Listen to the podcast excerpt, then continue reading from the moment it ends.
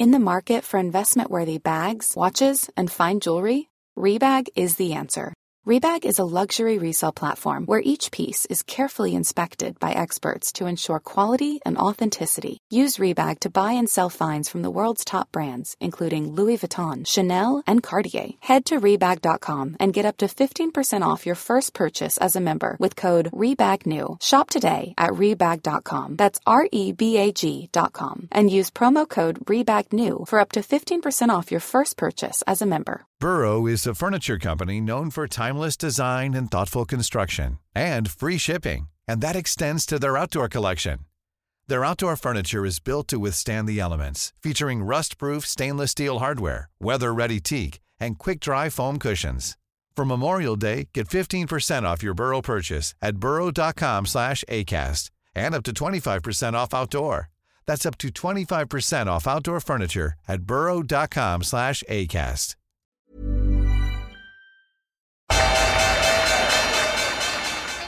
They mistook leverage for genius. Leverage for genius.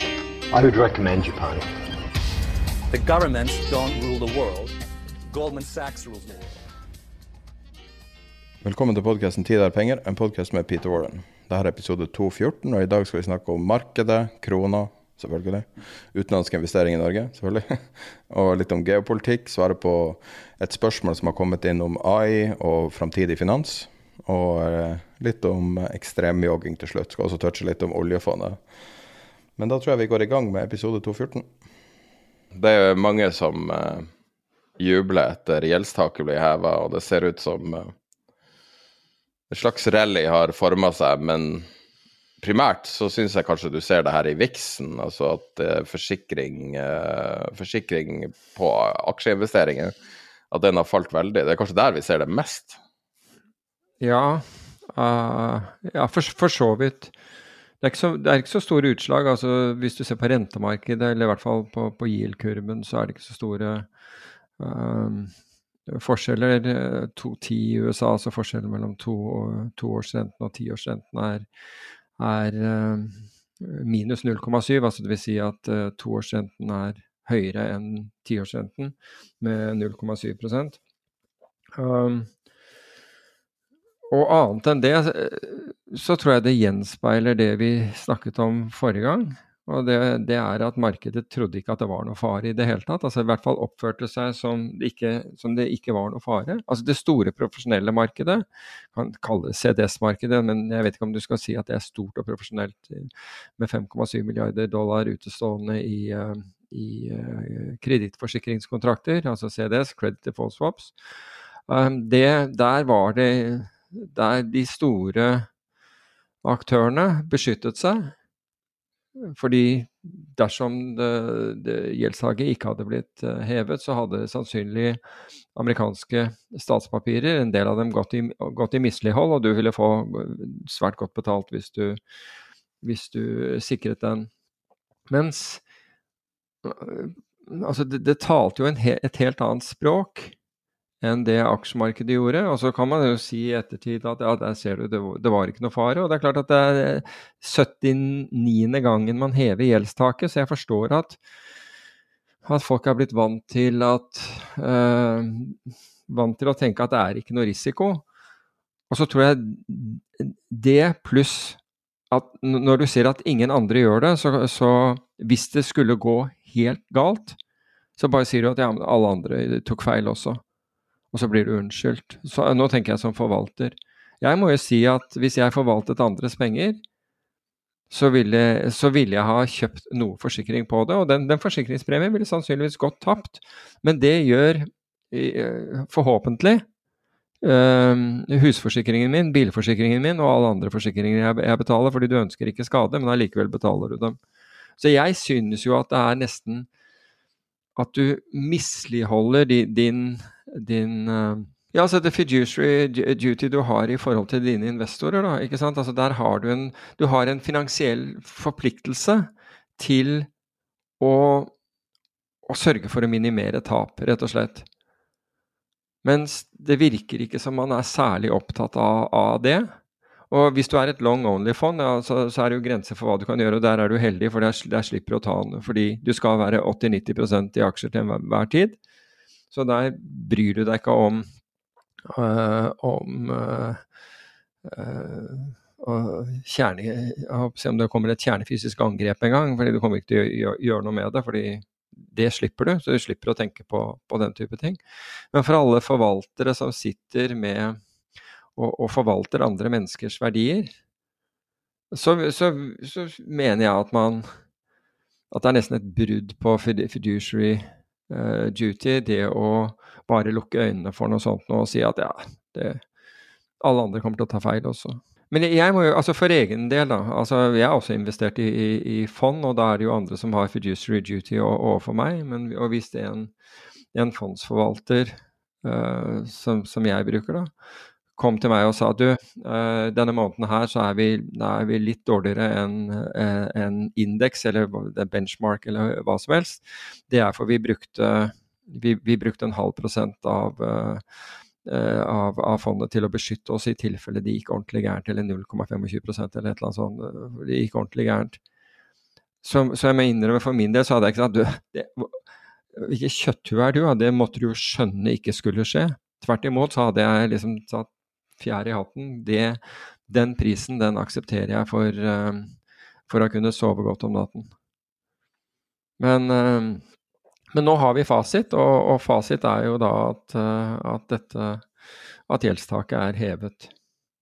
Så, så, så, sånn er det. Altså, det har jo ikke medført Altså, eh, du kan si at den trenden som allerede var der, altså med andre ord at den mest risikable delen eh, av, av kurven stiger mest, altså, og da, da snakker jeg om, om, om teknologi, den er der fortsatt. Altså det er, uh, fortsatt er det der, der pengene uh, går. Men altså, det, er jo, det er jo positivt uh, generelt i markedet. Men det er ikke sånn som at dette var en enorm relief rally. Og hvorfor det ikke er det, etter min oppfatning, er nettopp fordi det var ingen som Altså, jeg trodde ikke at det skulle være noe problem. I denne episoden har vi et sponsa intervju med Bouvet. Bouvet er et konsulentfirma, og de har hatt veldig sterke resultater. og Nå får vi høre litt fra sjefen Per Gunnar Tronsli om hvordan det går, hva de gjør, hva de forventer av framtida osv. Dette er et sponsa innlegg, men en vanlig samtale. Du har, hatt, eh, du har hatt ganske riktig utvikling eh, i forhold til hva man ønsker som næringsdrivende? Ja, ja altså, vi har jo hatt en fantastisk utvikling. Um, det har jo vært det har vært 20 år med organisk, stødig vekst og utvikling på alle områder, egentlig. Men Kan du fortelle litt i detalj hva dere driver med? Vi er jo et eh, konsulent- og rådgivningshus. Så er det sånn at kundene våre de finner vi i, i veldig mye, hvis vi kan kalle det, samfunnskritiske tjenester.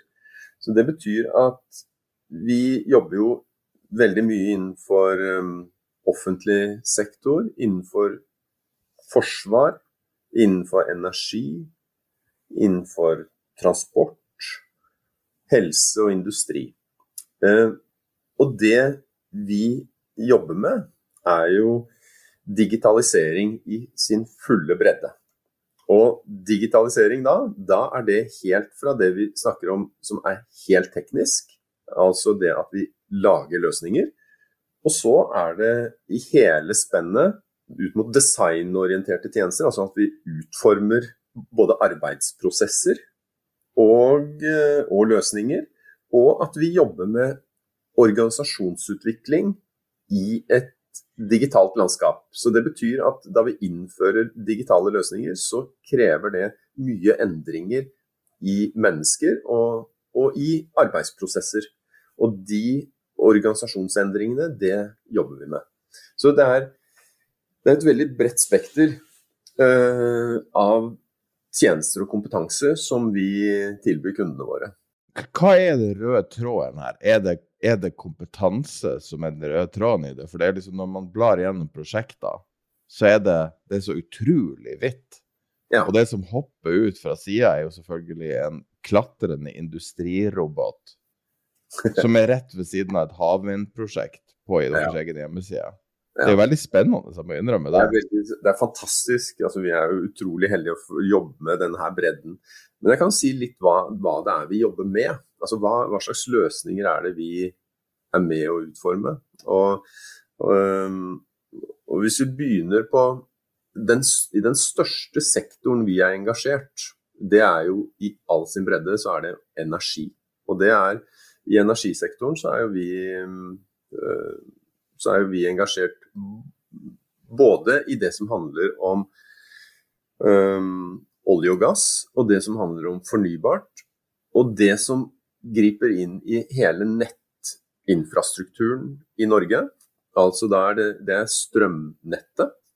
Eh, og i tillegg så jobber vi mye med de selskapene som tilbyr energi til oss som forbrukere. Men hvis jeg kan ta midt i den eh, verdikjeden der, så er det som handler om eh, det grønne skiftet. Og det grønne skiftet det forutsetter jo eh, utbygging eh, og modernisering av hele, hele nettet i Norge. Og der Statnett er en av våre aller største kunder. Eh, Så det vi jobber med der, det er jo det er rett og slett alle de digitale løsningene som skal til for at vi kan etablere nye forbindelser. Og at vi kan ta nye fornybarkilder, f.eks. havvind, inn i nettet. Og så jobber vi med alle de digitale løsningene som skal til for at vi kan ha eh, forbindelser og kabler til, eh, til naboland som Sverige, men også til kontinentet og til, eh, til Storbritannia. Så, så, da, så alt det der, det er jo digitalisering, og det jobber vi med. Og i energisektoren så jobber vi også med det som da er f.eks. sånn som vi jobber med Equinor, som handler om eh, eh, gassleveranser til Europa. De løsningene som håndterer de gassleveransene, de, de er det Bovere som sitter og jobber med og forvalter eh, nærmest 24-7. Og det genererer vanvittig med penger. altså, la oss eh, du, du snakker jo til et økonomisk publikum, og eh, ofte når vi snakker om folk som jobber innenfor high-tech, så er det kanskje i tidlig fase. Det er lite som er bevist. Mm. Uh, det som, som er så tydelig i tallene, er jo at du har en betydelig vekst. Nesten 10 vekst fra forrige, altså år over år.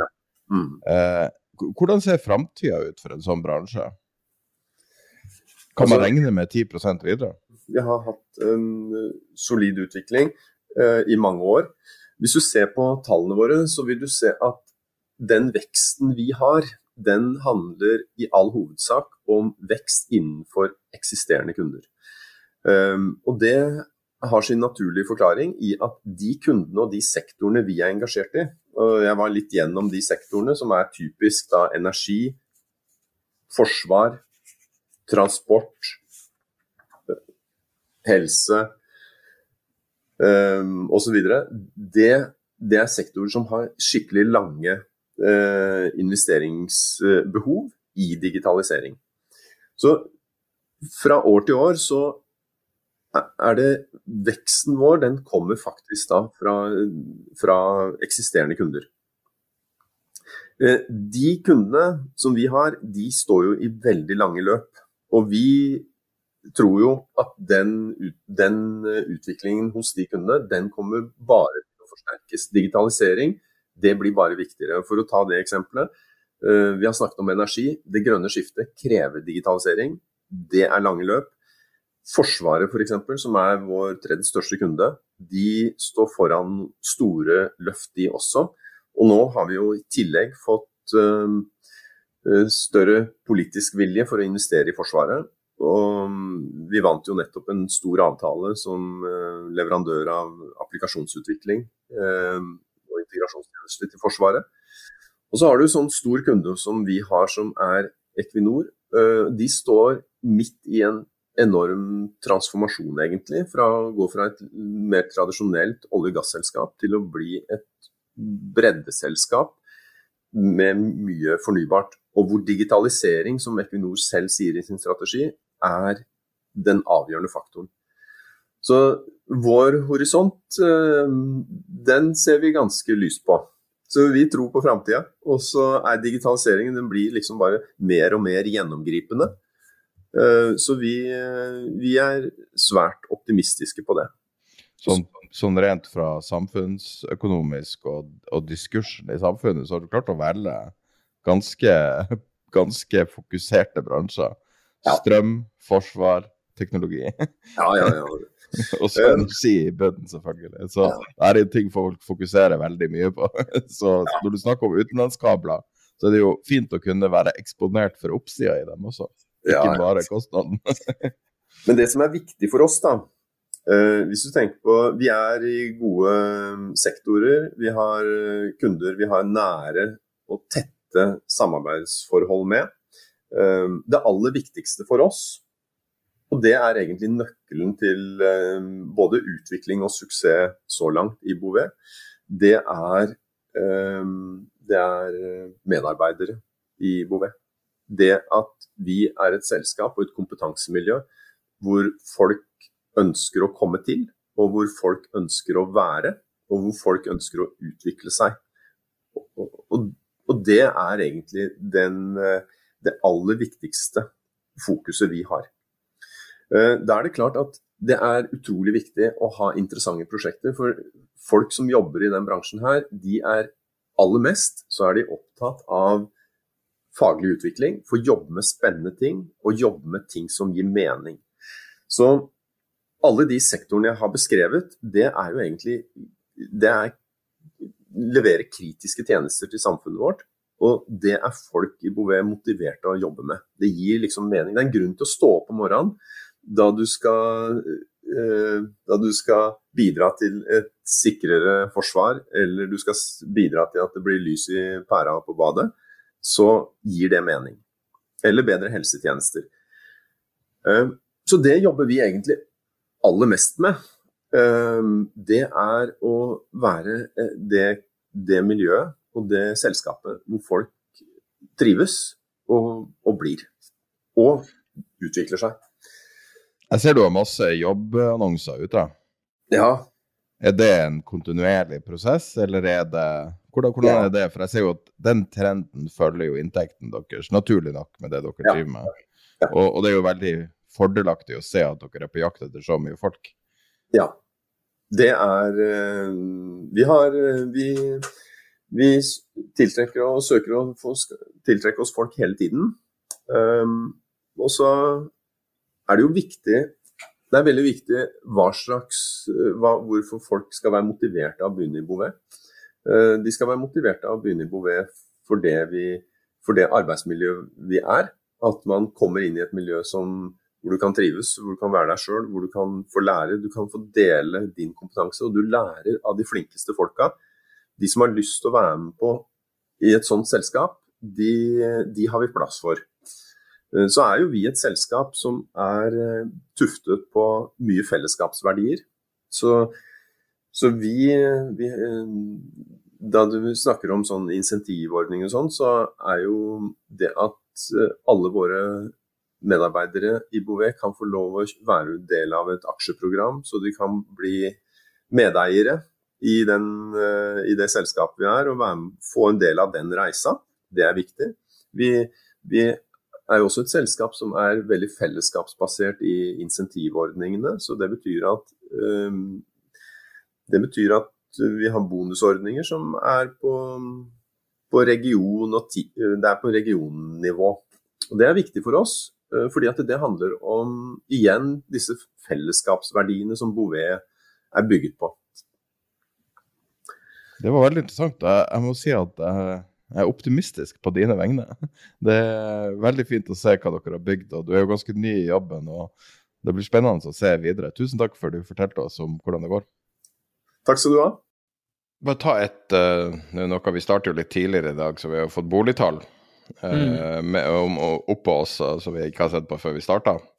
Men uh, er du overraska over at du får uh, ny tidenes topp for uh, for boligprisene i Norge?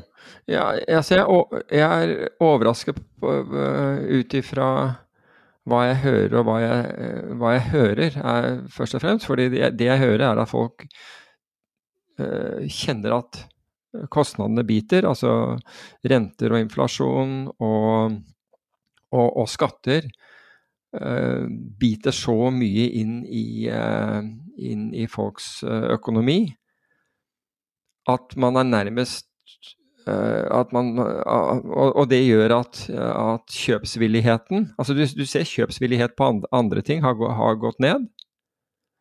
Um, forbruksgjelden øker fordi folk har ikke penger. og du, altså Forbruksgjeld er sinnssykt dyrt. For øvrig interessant hvis du minner meg på det, og, og bare tatt litt om den der debatten som går mellom dette folkefinansieringsselskapet og, som låner ut penger, og, og, Finanstilsynet som ønsker å forby den virksomheten. Klarer du å huske den der, så kan vi ta bare tre ord om den etterpå. Ja. Um, men alle klager over dårligere økonomi, og så skal det da allikevel være et kjø, fortsatt kjøpspress. Nå kan det, det kan delvis, og jeg, jeg, skjønner at det delvis kan forklares at det er bråstopp i, i, i uh, nyboligsalget og, og nyboligbyggingen. Og det er jo klart at da blir det på en måte færre objekter til, til salg. Det man ser er at mer og mer boliger kommer ut i markedet, og mange, mange hevder jo liksom at de vil få det de, de, ønsker å utnytte disse prisene nå, altså fordi man er redd for, for konsekvensene av, av eh, enda høy, altså både den renten som er nå, Altså årsaken, Delvis årsaken til at ikke dette er bitt inn verre enn det er, er at folk bygget seg opp, altså sparte opp penger i, eh, i, i koronatiden. Men de sparemidlene blir hva heter depleted um, de, de forminsker raskt, da, eh, reduseres raskt, i og med at kostnadsveksten er så høy. Og, og dermed så kommer du plutselig til, til, til et punkt hvor altså Hvis ikke det har en effekt på etterspørselen, så, så hvis, hvis, ikke renter, skatter, inflasjon har Den stigende inflasjonen har en effekt på, på, på, på folks forbruk, da kan Norges Bank bare trekke én konklusjon, og at det er at renten skal videre opp, og mye. For det er det man forsøker å gjøre gjennom å heve renten. For da har man, ikke, da har man helt opplagt ikke hevet nok. Så når, når, man går og sier at nå går vi til ny all time high, så er det som å hive en brannfakkel rett inn i uh, bygningen på Bankplassen, altså. Vil du ha en annen brannfakkel, da? Ja, kom igjen. Eh, boligmarkedet er ikke på ny all time high. Boligmarkedet har fullstendig krasja siden august i fjor. Hvis du måler i en annen valuta enn norske kroner. Ja, det er riktig. Måler du i sveitserfranc eller i euro, ja. så er det boligverdiene ned 19,2% siden forrige topp, som var i fjor sommer, august.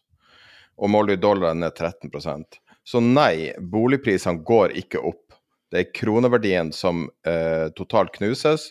Og det som skjer når en valuta knuses, sånn som skjer med krona nå, så er det det at på kort sikt så får man rally i øst og vest i alle verdipapirer. Fordi at folk er så vant til å måle det her nominelt i mm. kroneverdi. Men når det kommer til kjøpekraft, som er reell verdi, og når uh, euroen og sveitserfrangen følger hverandre så tett, så kan du si at du kan bruke dem som en baseline. Det er hele Europa. Mm. Og målt fra hele Europa sitt utsyn, så er det total kollaps i norske boligmarkedet. 20% fall på ett år er total kollaps. Ja, det, det er sant. Når du, når du, ser det i det perspektivet, så er jeg ikke uenig med deg. Um, altså, jeg måler bare fra forrige topp, som ja, august. Jeg skjønner. Og så prøver jeg å gjøre det enkelt. Ja. And that makes more sense. Nå hørte jeg akkurat om noen som, uh, som solgte bolig i utlandet. Um, rett og slett på basis av uh, at valutaen var blitt så sterk. Så det var ikke det at de hadde hatt en, en, en stor oppgang i, um, i, uh, i, boligprisen der de hadde kjøpt, men takket være valutaen så fikk de nå en, en solid gevinst på cellen. Det er faktisk akkurat det du sier. Og jeg, vet du hva jeg tenker på nå? Jeg tror oljefondet er den største tabben Norge har gjort. Hvorfor det? Den, den, den, den beholder jo verdien sin. Ja, men det er et politisk instrument som er veldig, veldig skummelt. Du kan ikke bruke pengene, så pengene er på en måte salta ned, men de er helt untouchable. Og de gir ingen utility for Norge. De gir kun avkastning, men de gir ei avkastning som du ikke kan gjøre noe med. Alt du kan gjøre, er å kjøre Norge mer og mer ned i grøfta med mer og mer underskuddsfinansiering, og du må teppe av oljefondet. Og det oljefondet er jo veldig volatilt hvis markedet skulle falle eller et eller annet. Eller hvis man skulle fikse kroneverdien, så ville jo oljefondet stupe. ikke sant? Så, um, så oljefondet har blitt et sånn politisk albatross for Norge, der hvis vi hadde investert uh, altså tenk, tenk det her. Dubai i 1991, rett før oljefondet begynte, eller når de drev og jobba med oljefondet. da. Dubai i 1991 var jo en landsby. Det var ingenting, liksom. Og de hadde en lignende situasjon som Norge, med masse oljeinntekter, vet ikke hva de skal gjøre, bekymra for livet etter oljen.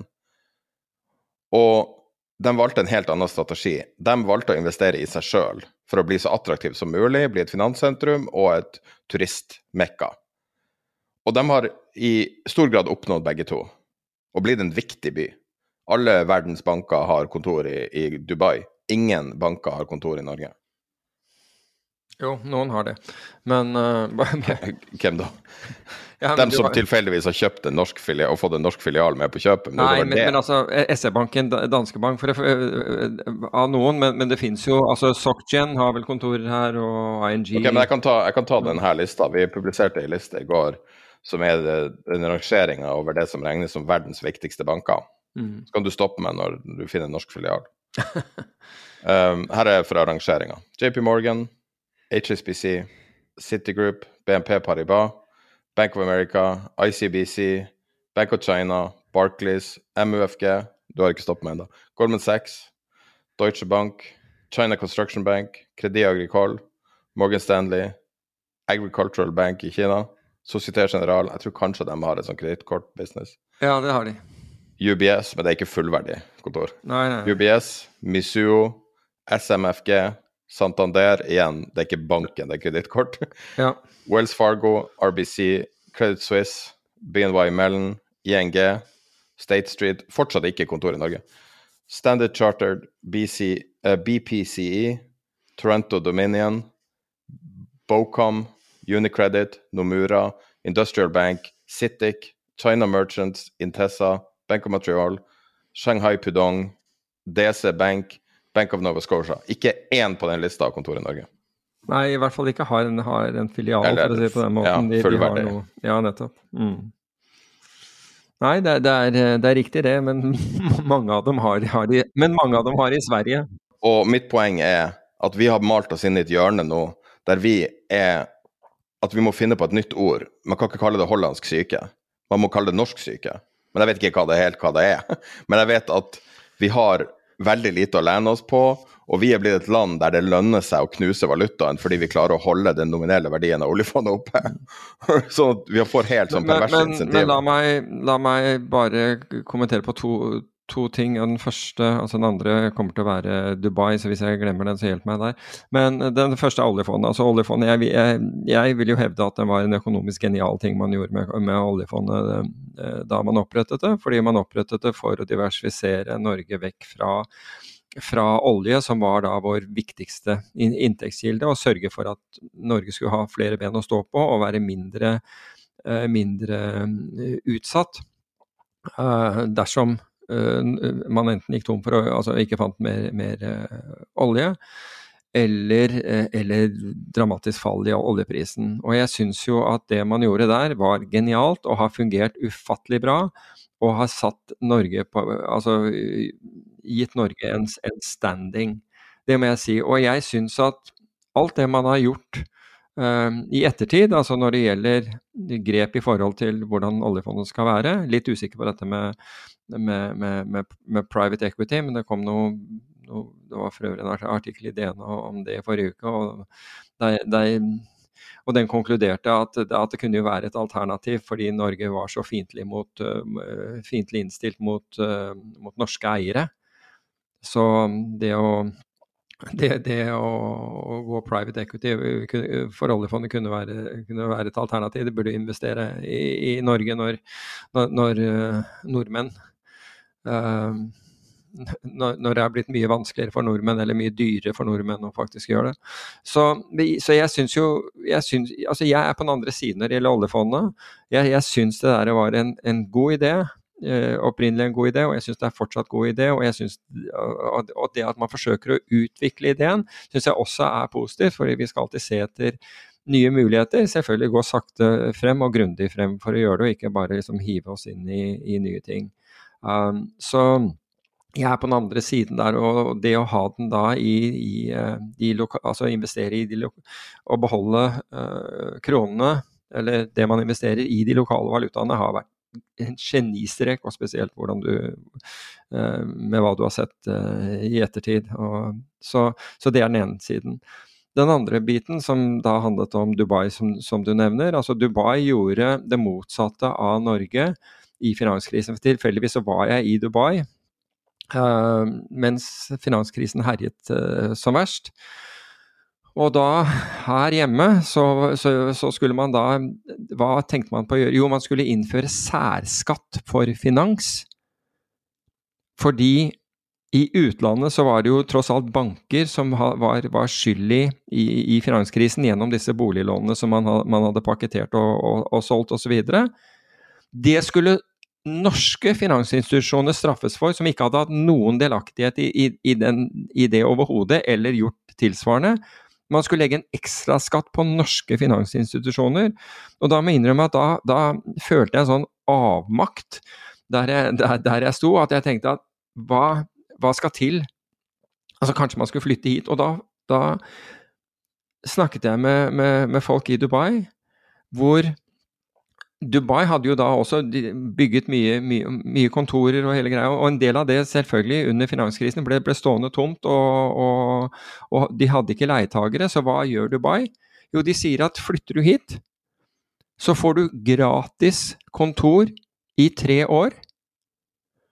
Og da var det gratis med utility, altså da var det altså strøm og, og det.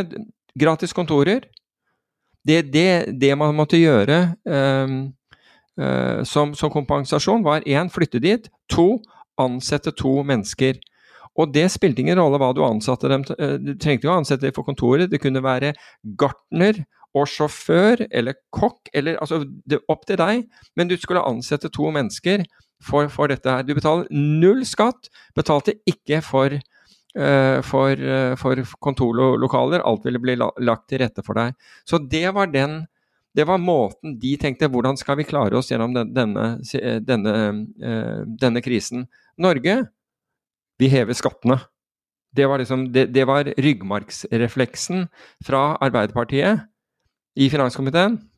Vi, vi, vi, vi hever skattene.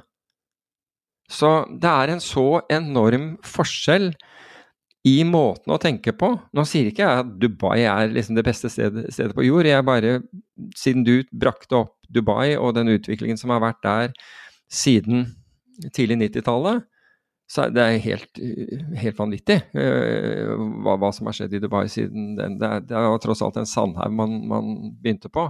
Nei, jeg, kan, jeg, husker ikke første gang jeg var i, i, eh, Dubai. Første gang jeg dro dit var for å, var for å holde foredrag på en, på en finanskonferanse. Men jeg, men jeg, har jo vært i Dubai mange ganger, eh, mange ganger siden. Uh, ja, nettopp.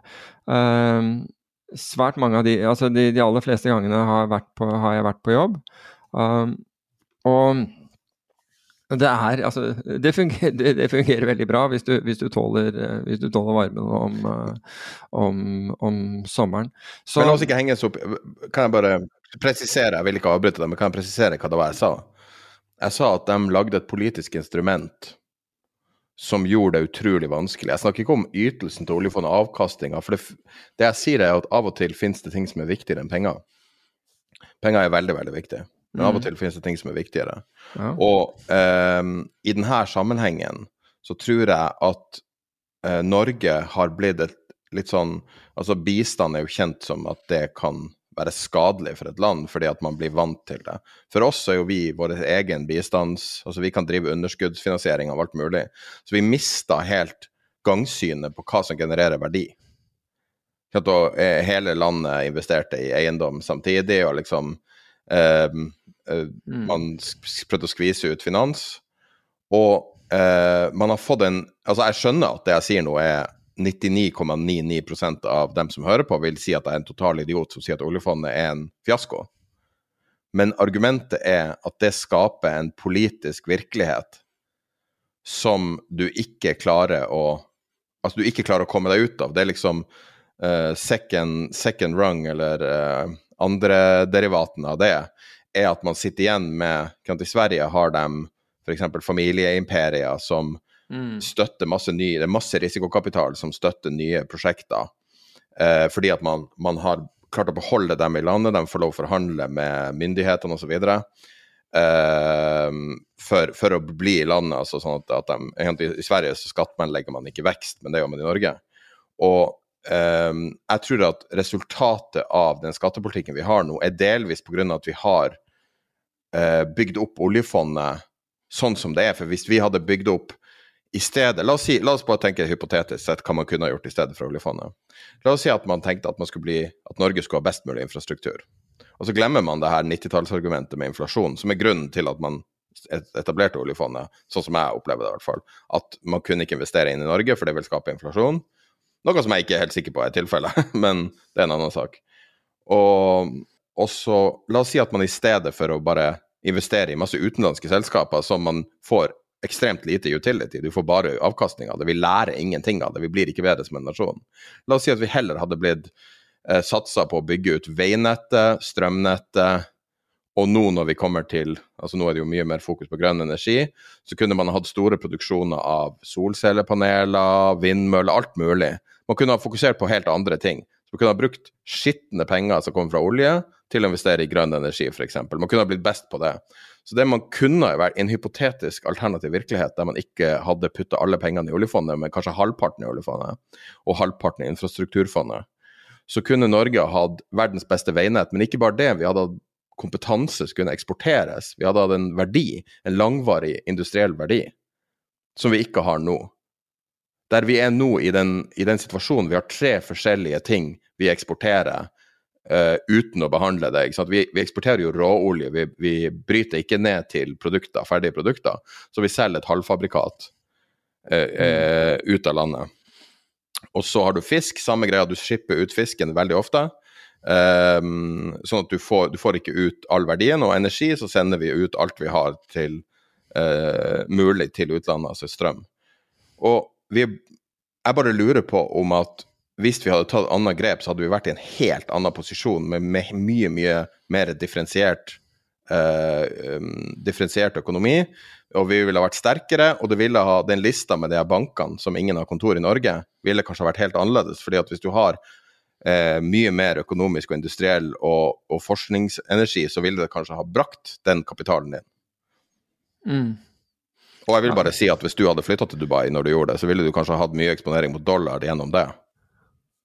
Og da hadde verdien på, på de pengene du hadde i 2008, vært 115 høyere i dag. Thanks for reminding me.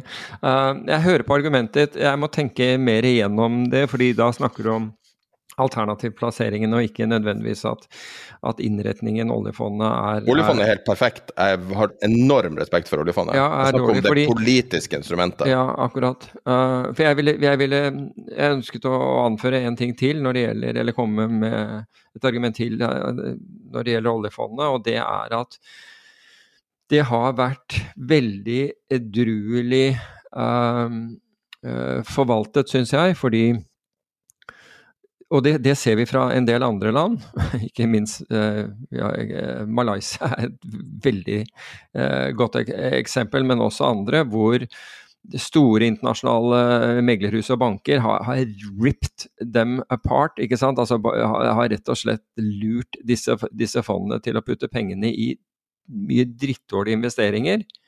Um, og det har ikke skjedd, uh, og det har ikke skjedd med, med, med oljefondet, nettopp fordi uh, de har hatt en veldig klar policy på hva de skal drive med og ikke drive med. Uh, så man har ikke hatt anledning til å rip dem, sånn som altså bli sånne enorme fee generators for, for banker og meglerhus, som er gjort en del, del andre steder. Så, så Så Men igjen, jeg snakker ikke om den biten. Nei, Den biten jeg forstår det veldig, nå. veldig bra, Jeg- jeg og det er bra det du sier det. jeg, jeg, jeg må tenke mer Altså, jeg, jeg, hører på argumentene dine og, og syns jo for så vidt at, uh, at, det er- at de er gode. At man kunne kanskje brukt en, en del midler av, av midlene til det også, men jeg må tenke mer på det for å, for å ha en klar, klar, klar formening. Altså Det vi egentlig får av oljefondet, er enorm offentlig sektor. Fordi at du kan underskuddsfinansiere alt mulig. Så hvis du ligger på 4 underskudd vi, Ja. vi, vi, vi ser på amerikanerne å, de har så mye gjeld og alt mulig. Vi har jo det hvis du bare ser på budsjettet. altså Budsjettunderskuddet er jo, er jo ganske voldsomt. Og vi trenger ikke å forholde oss til økonomiske realiteter. Men det er jo det at det vi sitter igjen med av Nå snakker jeg om utility igjen, at det vi kan bruke til noe. Det blir jo litt som det er bitcoin-debatten. ikke sant? Mm. Altså, hva er egentlig oljefondet godt for nå? Hva, hva, hva det gjør, annet enn at vi får uh, budsjetter som er forvokst? Nei, jeg tror ikke det. Eller det har vel vært Altså, eh, det har jo vært en voldsom velstandsøkning i, uh, i Dubai, da. Da, da har det jo vært så Jeg vil jo tro at, at, den har en, at det har vært en ganske kraftig inflasjon der. Og, og det merker du eh, Det merker du nesten fra, fra gang til gang. Og den er mer De holder er seg mellom snittinflasjonen 1,5 ca. i Dubai. Ja, og, ja, over Lang tid. Ja, nettopp. 15 år. Og det forbauser meg faktisk. Men det, det, igjen så har det, har det jo med hvordan vi måler, eh, måler inflasjon. Men altså, øh, godt poeng. Um, har, har vi gjort det optimale her? Nei. Eh, det, det er jo tydelig. Og, og det er også tydelig hvis vi kan, eh, hvis vi kan forla altså forlate heller gå, gå tilbake igjen til liksom hva som skjedde i forrige uke, og, og, og ta kan heller hoppe tilbake dit eh, litt etterpå, men, men gå på Bare gå innom kronen, da, som er på en måte nå, er, nå, skal ikke vi drive og, sl og, og, slå inn åpne dører, fordi jeg føler jo at både vi har sagt, og nå eh, og også andre, eh, har uttrykt eh, ganske klart hva, hva som skjer med norske kroner. Men hvis du hvis du ser på valutamarkedet generelt, så er ikke valutamarkedet noe annerledes enn et annet, enn et hvilket som helst annet marked. Det, altså, markedet forsøker å balansere seg i form av kjøpere og selgere til, til enhver tid. Og politikerne f- syns å gjøre dette til en mystisk greie hvor det er bare helt tilfeldig hva, hva, som skjer, og det er det ikke. Og så prøver man å forklare at det er pga. rentedifferanser, det, det var vi inne på forrige gang og, det- og, og, og forrige gang, eller i hvert fall at rentedifferanse har noe med saken å gjøre, det er greit nok, men det kan ikke forklare det, alene kan ikke forklare denne voldsomme svekkelsen av kronen. og Et, et, veldig godt eksempel på det er sveitserfranc, som har en vesentlig lavere rente enn enn, eh, vi har her hjemme, og allikevel er sveitserfrancen vesentlig sterkere og har steget kraftig mot, eh, mot norske kroner. Men det virker Altså, det virker jo nå litt sånn desperat, og jeg tror at hvorfor dette er blitt så viktig for regjeringen å, og, nå hive alle Nå er det alle mann til pumpene for å si at vi har ikke noe skyld i dette her, og kronen eller valuta er Det er helt tilfeldig hva, hva som skjer med det. Det er fordi i neste omgang så kommer vi til å se effekten dette her har på norsk pri- prisstigning og inflasjon. Når, når kronen faller og vi er storimportører av, av varer fra utlandet, og da tenker jeg og spesielt eh, altså varer som mat, matvarer og, og andre ting, så kommer de til å stige kraftig i verdi, rett og slett fordi kronen er blitt mi mindre verdt. Så det forklares ikke av, av, av dette med rentedifferanse. Og så så jeg at Vestre går på banen og si at ja, det var pga. økt, økte risikoen og, og, og, i, um, i, um, i verden i dag. Nei, det er ikke det. Altså, og, og, la meg forklare hvorfor det ikke er det.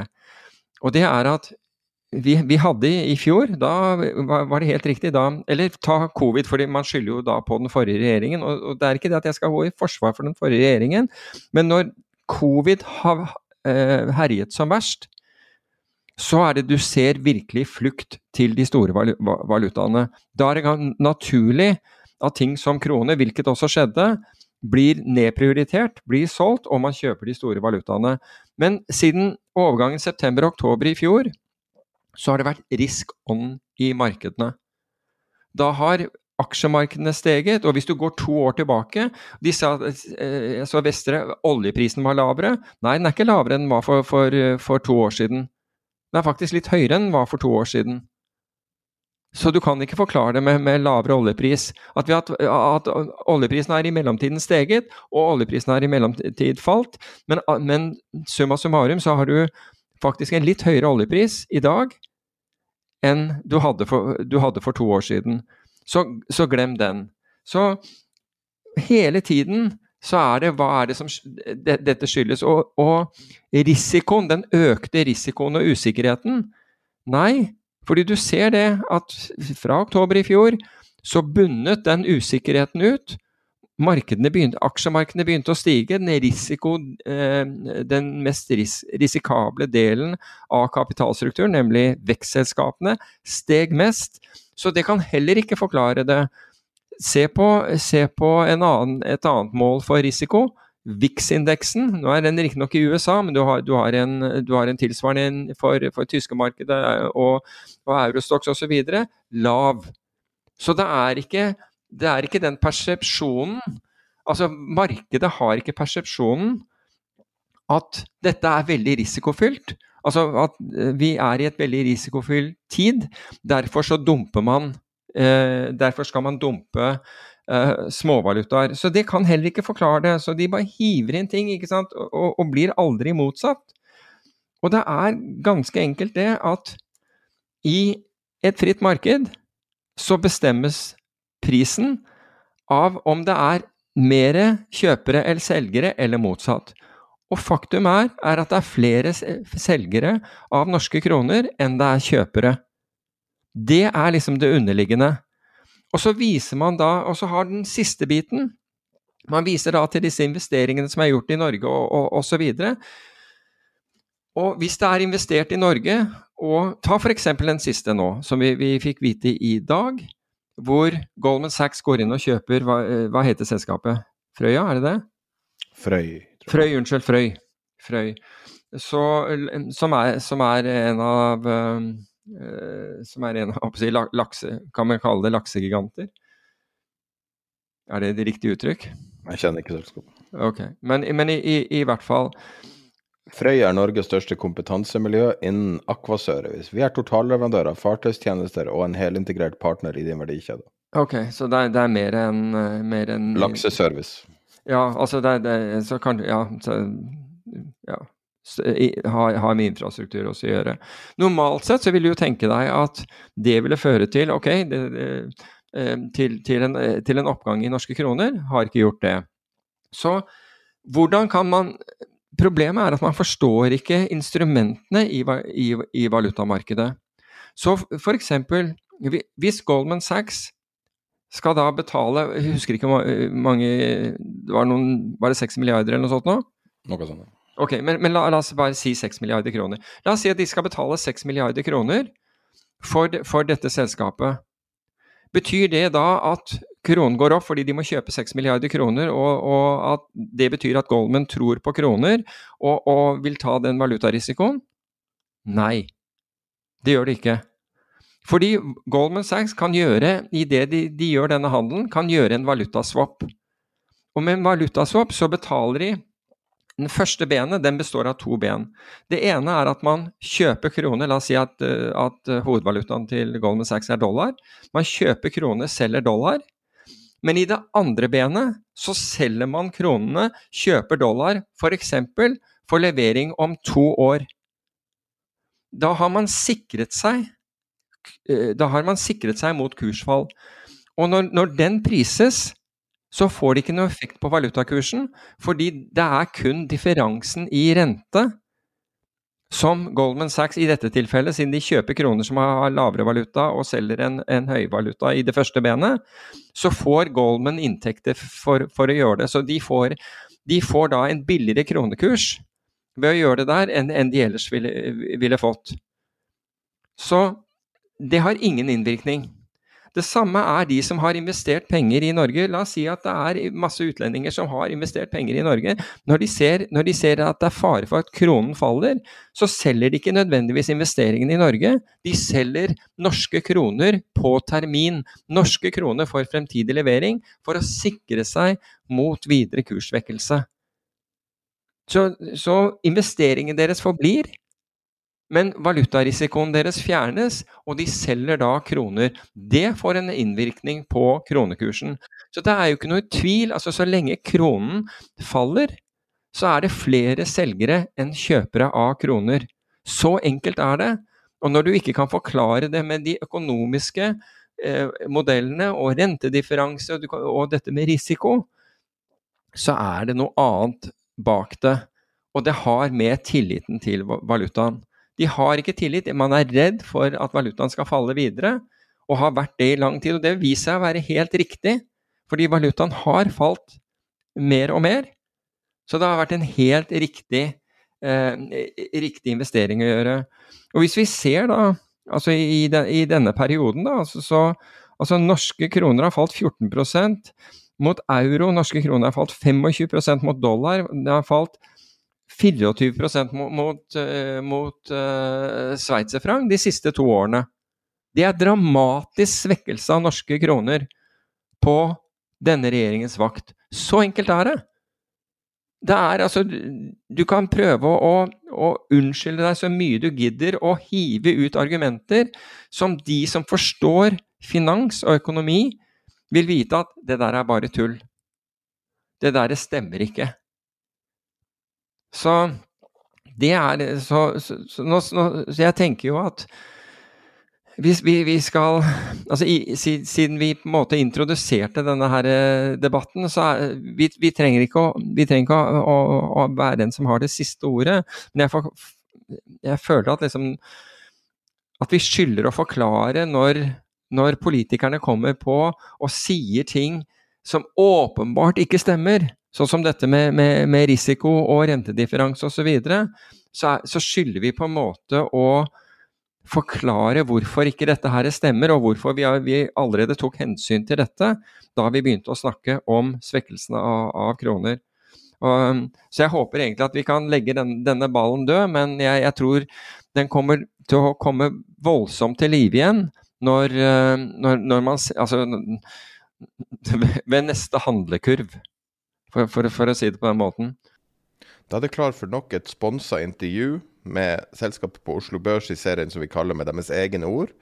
Og et selskap som jeg tror mange har hørt om, men som på tross av det kanskje ikke vet akkurat helt hva de driver med, er Aqua Biotech. Og eh, vi sitter her med Håvard Lindstrøm, som er CEO. Og kan du fortelle litt om hva er Aqua Biotech? Ja, det kan jeg godt. Også Aqua Biotech, eller eh, ABT, er jo et eh, ganske gammelt selskap. Det er etablert allerede i år 2000. Eh, og den gangen så var det et rent forskning- og utviklingsselskap, også biotek i ordets rette forstand. Så gikk det på børs i 2008, det som den gang het Oslo Access, og som nå heter Euronext Expand. Så selskapet har jo vært på børs eh, over lengre tid. Fram til ca. 2020 så drev egentlig selskapet mest med forskning og utvikling. Per i dag så har selskapet en 100-150 ulike patenter eh, på ingredienser eh, som man har pleid å selge til eh, hudpleieindustrien hvor da noen andre setter sammen et produkt basert på disse ingrediensene. Så skal jeg skynde meg å si at uh, av de 150 ulike patentene, så er det ett produkt man har lykkes med uh, i noe særlig grad. Og det er dette klekkevæske fra laks. Uh, Aquabutin Excel, som vi kaller det. Som man fikk gjennombrudd med uh, til en amerikansk partner. Så det er liksom, det er liksom bakgrunnen for selskapet. Kan jeg stille et dumt spørsmål? Ja. Vi har jo hørt om flere norske selskaper som gjør lignende varianter, altså enten om det er naturmedisin, eller at det er eh, sminke, eller mange ting som kommer fra havet. Hvorfor kommer det her fra Norge, og hvorfor, hvordan, opp, hvordan ble det her til? Nei, altså Hvorfor dette kom fra Norge, det er av, eh, tror jeg av både litt tilfeldigheter, men så tror jeg det også er av logiske årsaker. Fordi det man fant, da, eh, hvis man skal gjøre dette sånn superenkelt, så eh, når en lakseyngel skal ut av skallet sitt, for å kalle det det, så er den jo ganske ubeskytta. Så for å komme ut av eh, denne, dette skallet, eh, så utskiller den et protein, et enzym, som gjør at han kommer uskada ut. Og det man fant ut, det var at eh, disse folkene som drev denne manuelle klekkinga av lakseyngel, de hadde eh, vesentlig eh, ved besiktigelse da, vesentlig yngre hud på hendene enn hva eh, huden i ansiktet skulle tilsi. Så de hadde faktisk yngre hud på hendene enn i ansiktet. Så da fant man ut at eh, det den, dette proteinet gjør, det er egentlig en sånn naturlig peeling av huden Eh, fordi motsatsen er jo en sånn kjemisk peeling som eh, en del driver med. Og da blir man veldig sår og øm eh, i huden, mens dette her gjør en naturlig peeling. Fjerner døde hudceller og styrker de som kommer opp. Så det var ganske naturlig at dette ingredienset kunne komme fra Norge, egentlig. Wow. Så fascinerende. Ja. Hvem er, det, er det her en norsk oppfinnelse også? Eller? Ja, dette er en norsk oppfinnelse. Og det, det patentet her har faktisk ABT globalt patent fram til 2032. Så dette er en, uh, dette er en norsk uh, oppfinnelse. Du kom jo inn relativt nylig som, mm. uh, som ny leder. Hvordan har det vært for deg å, å ta over? Er, er, det en det er et stort press, vil jeg tro, å ta over en bedrift som, som har hatt drift såpass lenge? Ja, det, det vil jeg si. både hatt drift veldig lenge, og også som egentlig fram til nå har hatt ganske skrøpelige regnskaper. Så når jeg, eh, jeg begynte jo i eh, ABT august 2020, eh, og så overtok jeg som leder i juli 2021. Og da lå jo egentlig strategien lå jo klart, og det var jo bare en strategi jeg overtok fra forrige ledelse, egentlig. Og den strategien gikk ut på to ting sånn hovedsakelig. Den ene var at eh, man skulle bare være leverandør av eh, hudpleieprodukter. Altså da har man gått ifra å kun forske på ingredienser hvor andre satt sammen ferdige utpleieprodukter. Og så bestemte man i 2020 at man skulle lage egne produkter selv. Og så sa da den strategien som lå, til, eh, lå, på bordet den gangen, det var at man skulle være en uavhengig leverandør av produkter til andre som skulle selge det. Eh, og så skulle man hovedsakelig eh, forholde seg til de store markedene utenfor Norden. Asia, Europa og slike ting. Så, dere har lagt om hele strategien under deg? Ja, og grunnen til det, det er jo ikke nødvendigvis for at uh, dette var en dårlig idé. Men uh, dette er uh, For ideen var jo at vi lager gode produkter, og det mener vi jo. Og så vil man være til stede i markeder med mye folk, og hvor det er store, hvor det er store budsjetter for hudpleie og kosmetikk. Men eh, det har jo det har jo ikke vært eh, Selv om strategien kanskje var god, så har det ikke vært noen vellykka strategi. Det har gitt veldig lite inntekter for ABT eh, i den perioden jeg har vært inne. Så det jeg ønska å gjøre når jeg overtok ledelsen, det var egentlig å snu rundt på modellen og si at hvis vi ikke klarer å selge produkter i India, eller motsatt, hvis vi ikke klarer å selge produkter i Norge, Hvorfor skal det være så mye lettere å selge de i India eller et annet sted? Så jeg ønsket å vri om på modellen på den måten at eh, vet du hva, nå får vi først eh, se om vi klarer å få et visst fotfeste i Norge og Norden. Og får vi det, så blir det enklere å selge dette her utenfor Norden, rett og slett, for da har vi noe å vise til i eh, hjemmemarkedet. Så Det er den ene endringen jeg ønsket å gjøre. Eh, så det er jo litt sånn start på nytt på mange måter. Uh, nummer to det jeg ønsker å gjøre, det er at uh, dette markedet for hudpleie det er både interessant lønnsomhetsmessig, men det er også jævla vanskelig. Uh, årsaken til at det er veldig vanskelig, det er at la oss si sånn grovt sett at det er noen etableringshindre for de som produserer hudpleie, og det er ganske mange som gjør det. Mens det er ingen etableringshindre for de som skal selge hudpleie. Det er ikke noe det er ikke noe, det er ikke noe lisenser, konsesjoner etc. for å starte opp hudpleie. Hvis du og jeg har lyst til å starte opp en hudpleiebutikk i morgen, Sverre, så er det bare å sette i gang. Slik at markedet er jo overbroked, som man sier på finans. altså Det er veldig mange aktører, både på leverandørsiden og på uh, siden mot kunder. Så det Den andre endringen jeg ønsket å gjøre, og som styret ga aksept til sommeren i 2022, det var at vi, vi benytter våre børsnoterte aksjer til å kjøpe opp andre selskaper. Og ved det oppnå to ting. ene er å konsolidere uh, deler av bransjen til en viss grad. Og nummer to, sikre avsetning for våre produkter, slik at vi unngår den største konkurransen. Jeg leste i fjor at dere kjøpte Cosmed. Mm. Kan du fortelle om det? Ja, eh, Cosmed var jo en uh, altså Cosmed er jo som 99% av alle selskapene som vi jobber mot, det er unoterte, altså ikke notert på en børs. Cosmed har hatt veldig bra utvikling. Året før vi kjøpte de, så hadde de vel en omsetning på ca. 9,7 millioner. I fjor endte det på 13,4, så det har jo voldsomt bra vekst. Og det måten, eh, måten vi har gjort det på, eh, som, eh, som også er sendt Oslo Børs for øvrig, det er at vi har laget en fireårs earnout, hvor de får hovedvekten av betalingen de får for kjøp av Cosmed, er at de får betaling i ABT-aksjer på en fastsatt kurs som gjelder for hele fireårsperioden. Og så har vi gjort det også slik at denne dealen for Cosmed er må vel si at den er veldig gunstig for Cosmed hvis de får til uh, hva de tror de får til selv.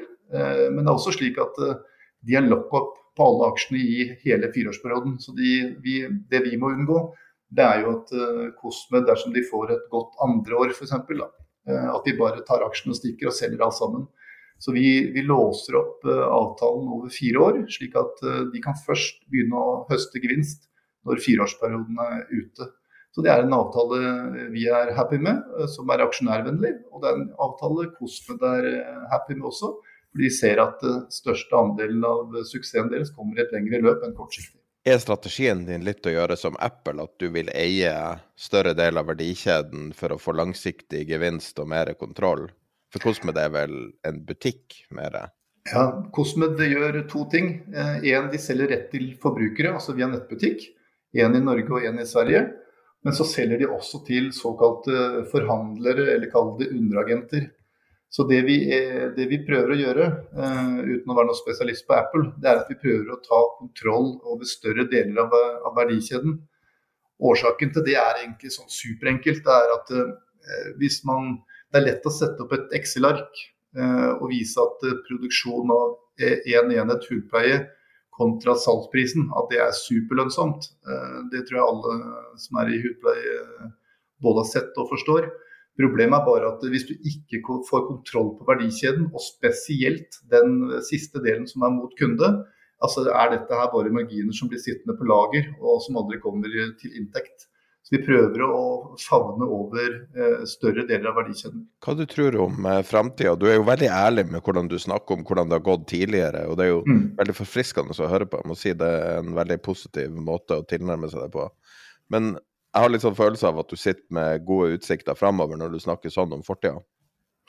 Ja, men også, jeg tror sånn eh, Hva jeg syns om fortida, det er jo det er ikke så veldig viktig. Fordi det er bare å lese regnskapet at det har ikke vært sånn altfor bra. Eh, så det er nok en del aksjonærer som både er eh, lei og mista litt troen på det. Men det er jo sånn at eh, for fjoråret så hadde vi det beste inntektsresultatet siden 2017. Og som jeg også har sendt til Oslo Børs i år, så tror jeg det, blir vesentlig forbedra i år. Så jeg tror jo veldig på den strategien vi har lagt oss på nå. Jeg tror vi er på riktig vei. Jeg tror at eh, de dårlige tidene er tilbakelagt for ABT, og jeg tror fremtiden ser lys ut. Årsaken til det er ikke nødvendigvis at det er jeg som er leder for selskapet, men at strategien er endra. Og det at vi kan bruke den børsnoterte aksjen ABT i bytte i kjøp av nye selskaper for å sikre oss distribusjonen framover. Det er det som er uh, lykken med det. Så jeg tror liksom uh, Jeg føler meg veldig komfortabel sjøl på at vi er på, på, riktig vei. Og hadde jeg ikke trodd det, så hadde jeg sikkert funnet noe annet. Tusen takk for at du tok deg tid til å snakke med oss og fortelle oss om hvordan det går. Ja, takk selv. Kan jeg gå off script litt når det gjelder apropos neste handlekurv? Du, jeg har nettopp introdusert ideen om at oljefondet var en dårlig idé, så, som du ikke visste kom. Nei. Bekla, beklager den, forresten. Ja, altså, Gå gjerne off script ja, så mye du vil. Altså, I nærheten av der jeg bor, er det et, et stort friareale som, som brukes av, av alle mulige borgere i Oslo. ikke sant? De, de tar buss eller bil eller noe sånt ut der. Så besluttet man, fordi eh, Og bussen snur der ute også. Og det, det, det finnes en snuplass. Men så, så finner da dette byrådet ut at de skal lage en større snuplass. Det finnes to parkeringsplasser der ute. Og da tar de to tredjedeler av eh, parkeringsplassene, som er stappfulle om sommeren, for, for, å, for å lage en større snuplass for, for eh, bussene. Altså, arealet begynner, begynner, begynner å ligne, ligne arealet til en storflyplass, og dette er for å snu to busser. Det er ganske genialt. Punkt én. Veldig mange av bussene gidder ikke engang å bruke den, den, den nye eh, snuplassen, men, men bruker den gamle, eh, gamle rundkjøringen. Men du har mistet to tredjedeler av, av parkeringsplassene der ute. Og så har man på, på den andre Det betyr jo at det er helt tjåka fullt, og folk parkerer i småveier og alt mulig sånn, det skjønner jeg godt. Men i går så, jeg, så går jeg gjennom, den eh, parkeringsplassen i går kveld, og har, den er helt stappfull, og folk har parkert. De har asfaltert en del, altså det var så dårlig asfalt på en del av parkeringsplassen, så der la de inn ny asfalt, det er ganske bra. Men så har de ikke trukket opp disse hvite linjene etterpå, altså for å markere hvor, øh, parkeringen. Og de som da har parkert på den nye asfalten, de har fått bot. Og så var, det folk som sto i en rett linje, sperret ikke for trafikken i det hele tatt. De hadde fått bot. Og akkurat da jeg kommer, så kommer det en barnefamilie, to, øh, to små barn pluss en barnevogn, tilbake til bilen. Og da har de vært en dag på stranden, og så oppdager de at de har fått bot. Og så hører jeg hun liksom virkelig sånn nesten gråtkvalt utbryter at det er, at, den, den, at det, var, det tilsvarte en hel handlekurv på en fredag, det de måtte betale i bot. Og det var altså den, I det hele så, så syns folk sikkert at dette er bare tull, men det var rett og slett hjerteskjærende å se altså en, Deres helg ble ødelagt med det. Og så er det liksom kommunen som har, har gjort dette, kommunen som har fylt igjen eh, busslommer som gjør det drittrangt å sykle. Eh, og, og mye farligere etter min, min oppfatning, for jeg, jeg sykler jo st- stort sett uh, ut og inn av denne halvøya. Uh, og det er, det er misbruk av penger. De skal ha mer skatt, men så kaster de pengene bort. De bygger busslommer for, for to dager etter å fylle dem igjen. Og så er det nye ting, og så, og så skal de ha flere fartsdumper. Og de, noen av de fartsdumpene er så ubehagelige at du omtrent brekker håndledd når du kommer med, med, med, med sykkel hvis du treffer dem i, i 30 km i timen. Eh, Det er Nei. Det er den derre sløsingen. Den derre sløsingen av midler. Vi skal ha mer midler, vi skal ta inn mer skatt. Vi skal ta mer og mer av av verdiskapningen skal, skal stat og kommune, kommune ha, men så sløser de med pengene eh, når de får dem inn. Det, altså, det er ikke greit. Så det var den der off- topic, og jeg bare kom på den. Jeg, jeg, av en eller annen grunn fikk jeg det der imaget foran meg av hun som den familien som kom tilbake igjen til, eh, til, til- til bilen i går. En nydelig dag er liksom blitt ødelagt. Fordi, fordi folk er på marginen. Og det er ikke så lett å gå på fulle busser. Selv om de har økt antall busser, ære være dem, for det, men de er stort sett fulle og kø. Og har du barnevogn, to små barn, så er det ikke så jækla enkelt å stable alt dette her eh, om bord i, eh, i eh, standing room only-busser, altså. Så OK. Jeg har fått tømt meg. Hvor går vi nå? Ehm, hvor går vi nå? ja? Skal vi gå tilbake til hva, hva som skjedde i markedet i forrige uke? Litt om hedgefondet, kanskje?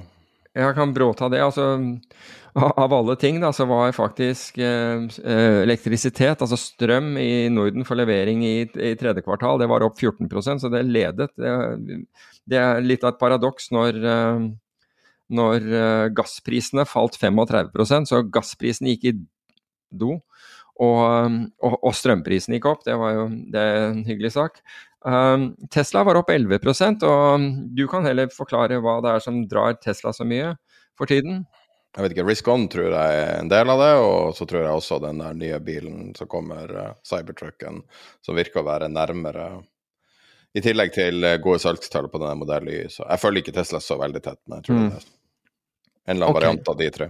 Men den som jeg, den som jeg virkelig syns er uh, verdt å, å, nevne, og som har på en måte en, en forklarlig begrunnelse, syns jeg, da, det er denne uh, uran, altså Sprott Uranium-ETF-en har ingen investering i det, bare så det er ikke siden jeg nevnte det, fordi det er veldig ofte folk som spør hvilken er, er det vi refererer til. Den var opp 9,5 i, i forrige uke, og der tror jeg at uh, det delvis var G7-møtet som, som, altså, som åpner for uh, uh, åpne for at man, at, man, bruker at, Åpner for atomkraftverk, men også USA, som skal ha vedtatt Jeg prøvde å finne mer informasjon om det, men som skal ha vedtatt nye jeg vet ikke om det er lover eller, eller forskrifter som skal, skal, gjøre lettere å etablere alternative kilder til energi, og i dette tilfellet da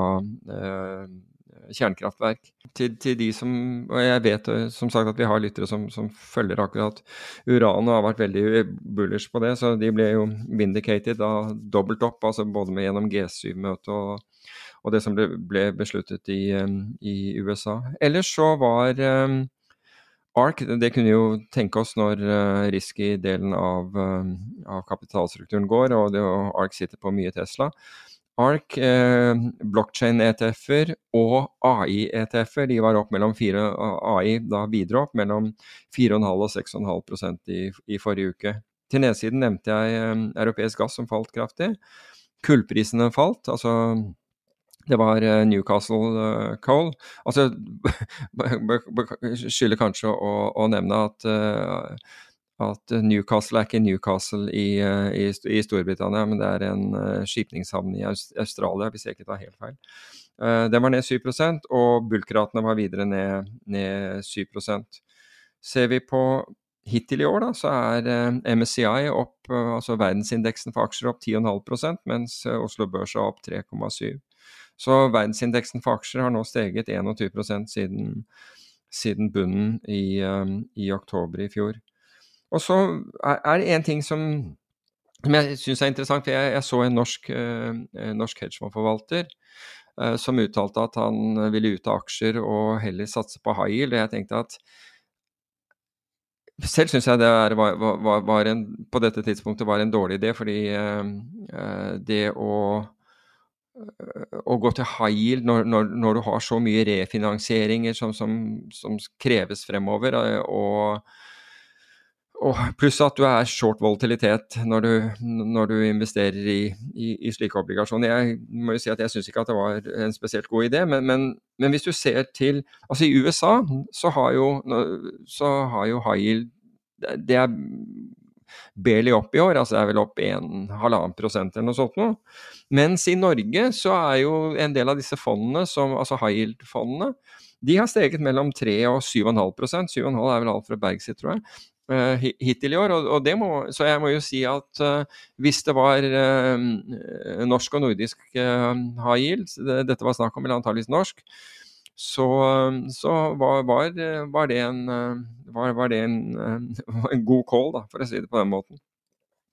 Det var vel egentlig de tingene Altså jeg så på, på listen, så så den ut som det var to tredjedeler av, eh, av de assetene som, som, vi følger på den, den, listen som var grønne i, i, forrige uke, mens litt over halvparten er grønne på, på, året.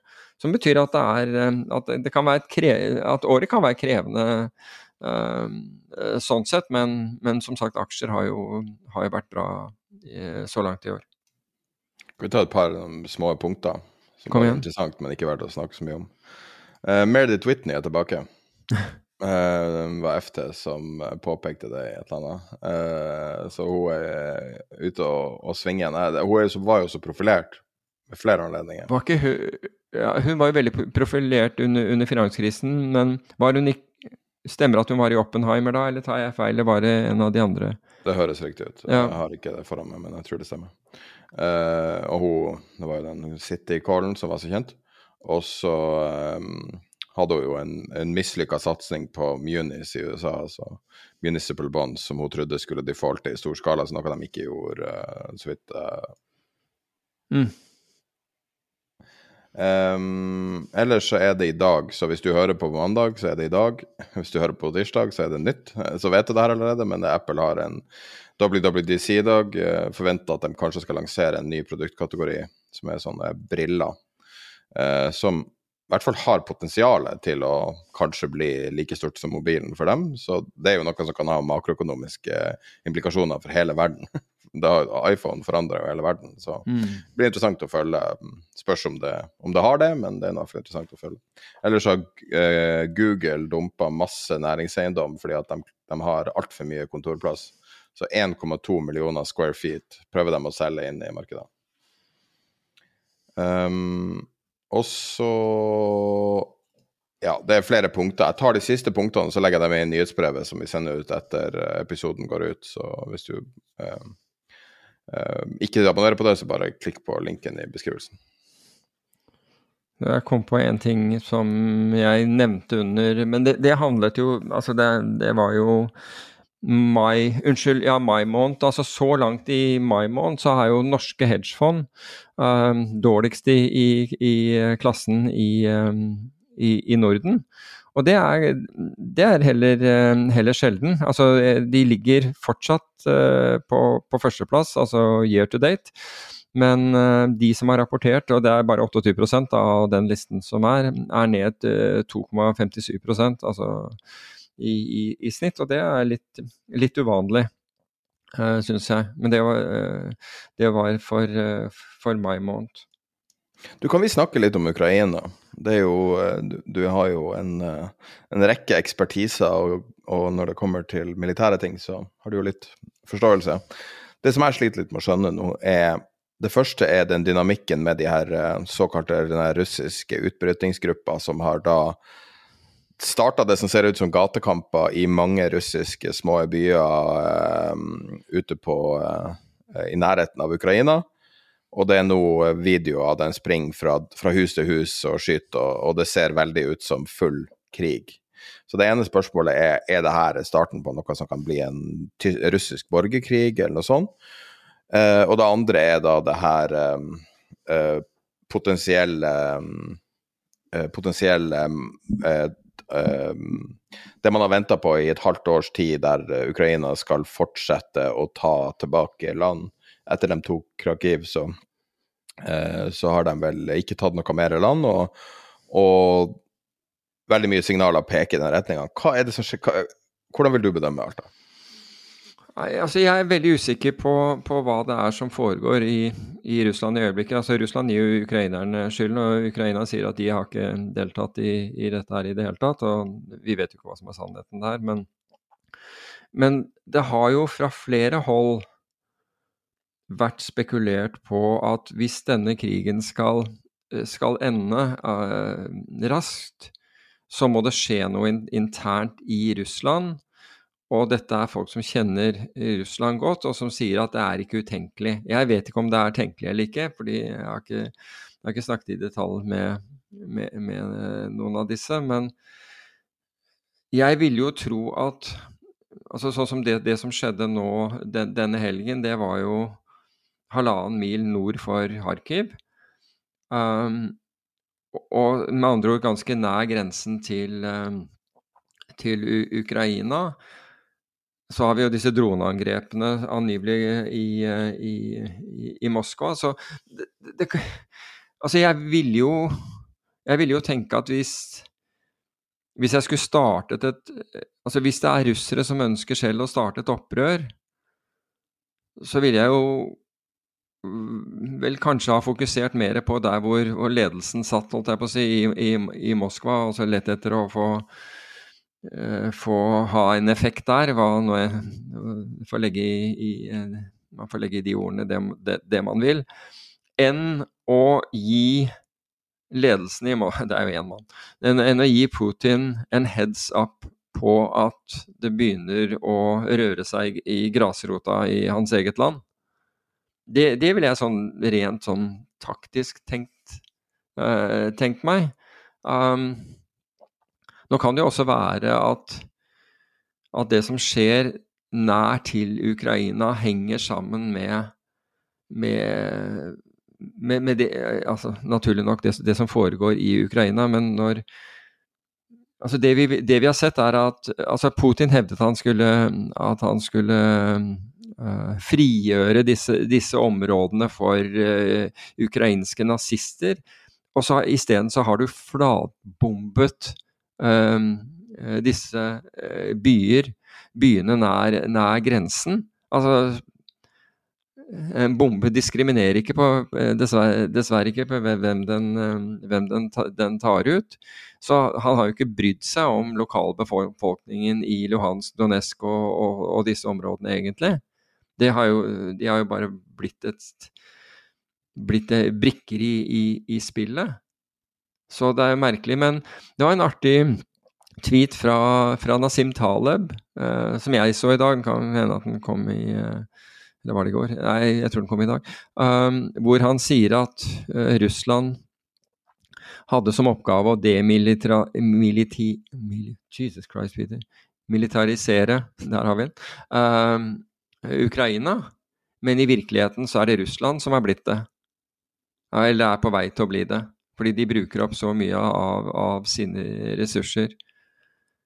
Men det kan være verdt å følge med på, og, og, og som jeg personlig syns er viktigere, det er eh, at Wagner-gruppen ser, ser, ut til å gå med Selv om den ikke har nevnt eh, eh, Putin direkte, men den går i, i, økende grad i opposisjon mot det russiske militæret og, og kritiserer det, er om, om han har politiske ambisjoner her. Altså I så fall så Han velger jo da å ikke nevne Putin eh, ved navn. Han vet vel at det sikkert kommer til å til, til, til, å gi, no, gi, en reaksjon, men han synes å ha eh, stadig mer ambisiøse mål, da. Altså nå tenker jeg ikke mål i, form, i forhold til land i Ukraina, men, men han virker jo ganske etter hvert ganske maktsyk. Det er rart, vet du. Det kommer en kar som har startet gatekjøkken og ble, ble kokk for Putin og leder av en, en av de mest notoriske leiesoldathærene i, i verden. Og nå kan ha ambisjoner om å ta ledelsen i, i Russland. Så Men hva som er inne i hodet på Prigozjin, vet jeg ikke. Men uh, ei heller, heller Putin, for den saks skyld. Men, men jeg syns det er vanskelig altså Det er jo ikke utenkelig at det har begynt noe i, i, i Russland. Det, det, er ikke utenkelig, men, men jeg syns det er geografisk sett litt underlig hvor uh, hvor, uh, hvor aktiviteten skjer. I hvert fall foreløpig. Vi hadde fått et spørsmål fra en lytter, eh, som vi skulle egentlig ta i forrige episode, men som vi tar nå. Uh, hadde vært morsomt med litt synsing i en podkast-episode om hvordan AI potensielt kan endre finansmarkedet på sikt? Ja, og det er nok mange som tenker på. Og, og det, for det første så har AI blitt brukt uh, en, en, god stund i finansmarkedene. Og så får vi liksom litt definere hva bruken Men for å ta ett eksempel på det, så er det jo Renaissance Technology, altså verdens Eller uh, Renaissance Technology Medallion Fond, som Eh, som har, er verdens mest suksessrike uh, hedgefond ever. Uh, snitt uh, annualisert avkastning er vel 60% Men de har jo brukt AI, og jeg tror at Helt opplagt. Men AI som da og Nå tenker jeg først og fremst på, på, på å hente inn data og se etter korrelasjonen. Fordi dette var altså uh, Strategien til eh, Renaissance har vært da statistisk arbitrasje. Og bare for å forklare på en, på en sånn enkel måte hva man er ute etter, er f.eks. at du følger med på oljeprisen og de viktigste oljeselskapene, og så ser du bevegelse i de som, da, som du da kan forklare med f.eks. For oljeprisen.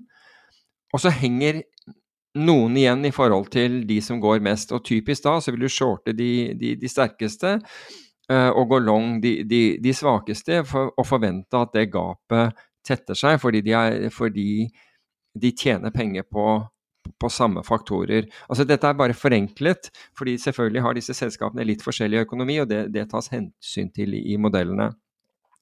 Men det, altså denne statistiske arbitrasje dette var stadig flere som fond som begynte å bruke, og i, da vi kom til 2007, så fikk vi noe som ble kalt the quant-quake, hvor, hvor, disse investeringene falt fra hverandre. Da, da, hadde rett og slett så mange begynt å delta i å gjøre akkurat det samme.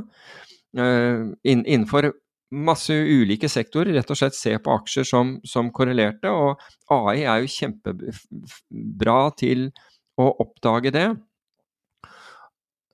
Og bankene hadde hevet seg på, for bankene så Det er, jo fantastisk å være prime-broker for, for, for, disse hedgefondene, fordi da ser du strategien deres, ser når det lykkes. Og den gangen så deltok jo bankene med, i stor grad med egenhandel, så de hev seg på.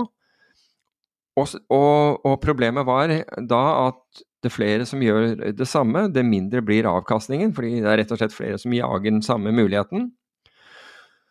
Og hva gjør du da? Jo, da øker du, eh, øker du belåning for å få til den samme avkastning som du, du, hadde. Og så på et eller annet tidspunkt så, så sprakk dette her, altså hvor disse, disse, forholdene mellom disse aksjene gikk fra hverandre. Og så ble de med den svakeste økonomien, skråstrek, høyeste belåningen, tvunget til å, å selge.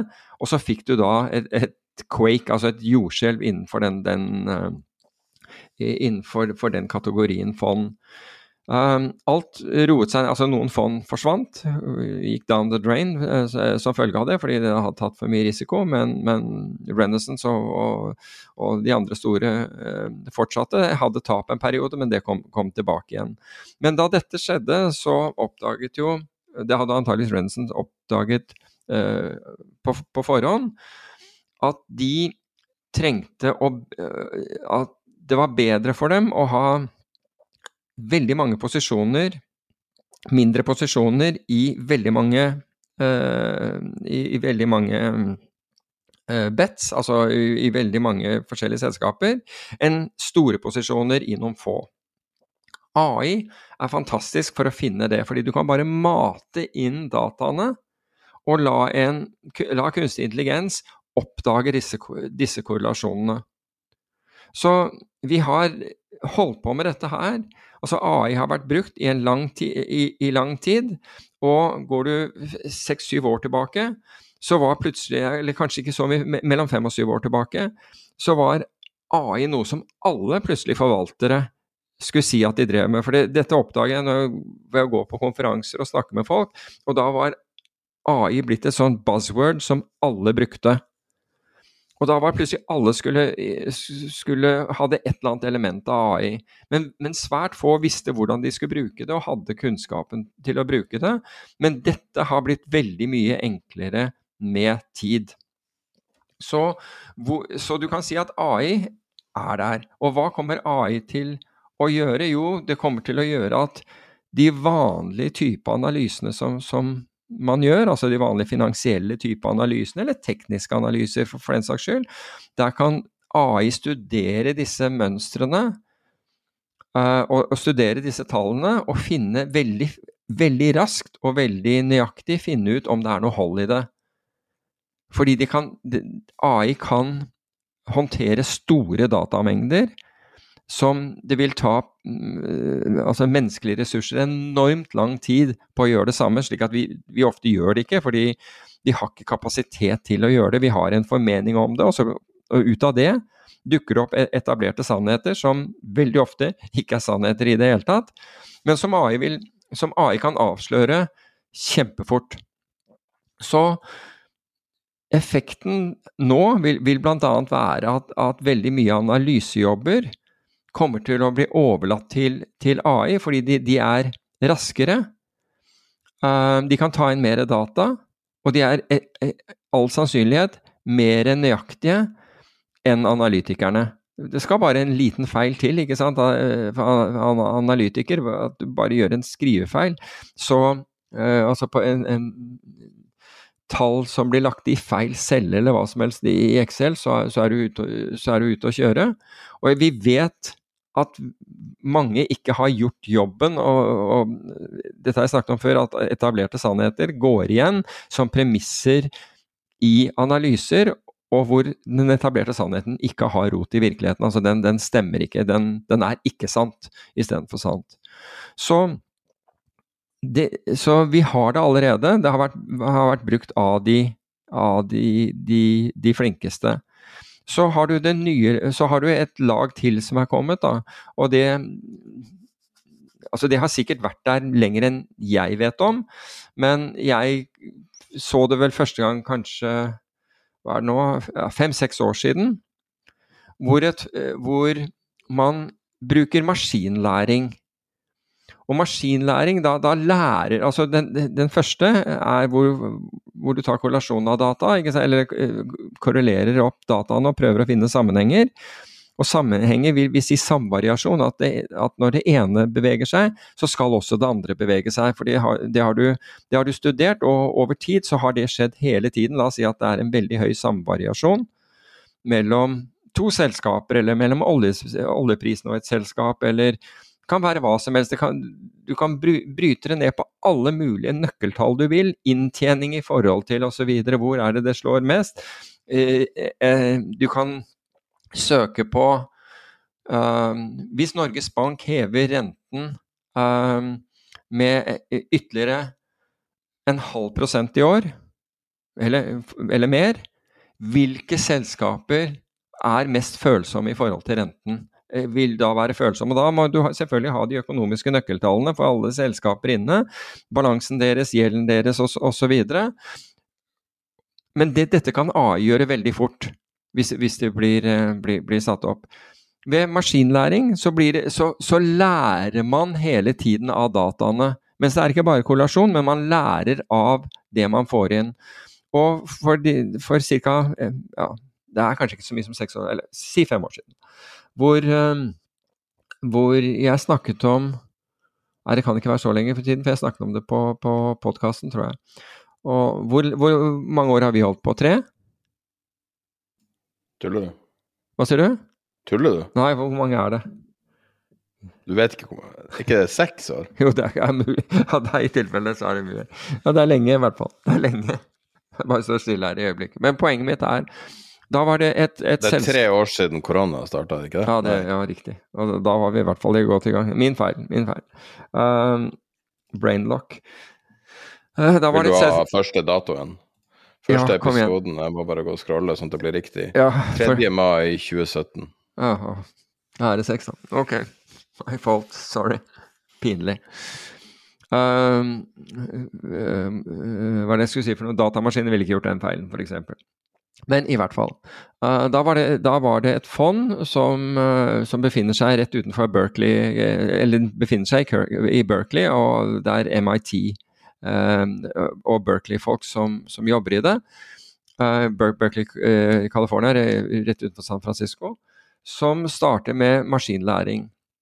Og de gir da datamaskinene sine tonnevis av data og ber, den, og, og ber den, lære av de dataene og lage sine egne regler og finne, og finne investeringsstrategier. Så da, de, da, gjør de en stor backtest og cruncher, cruncher data, tonnevis av, av, data, så finner maskinen det.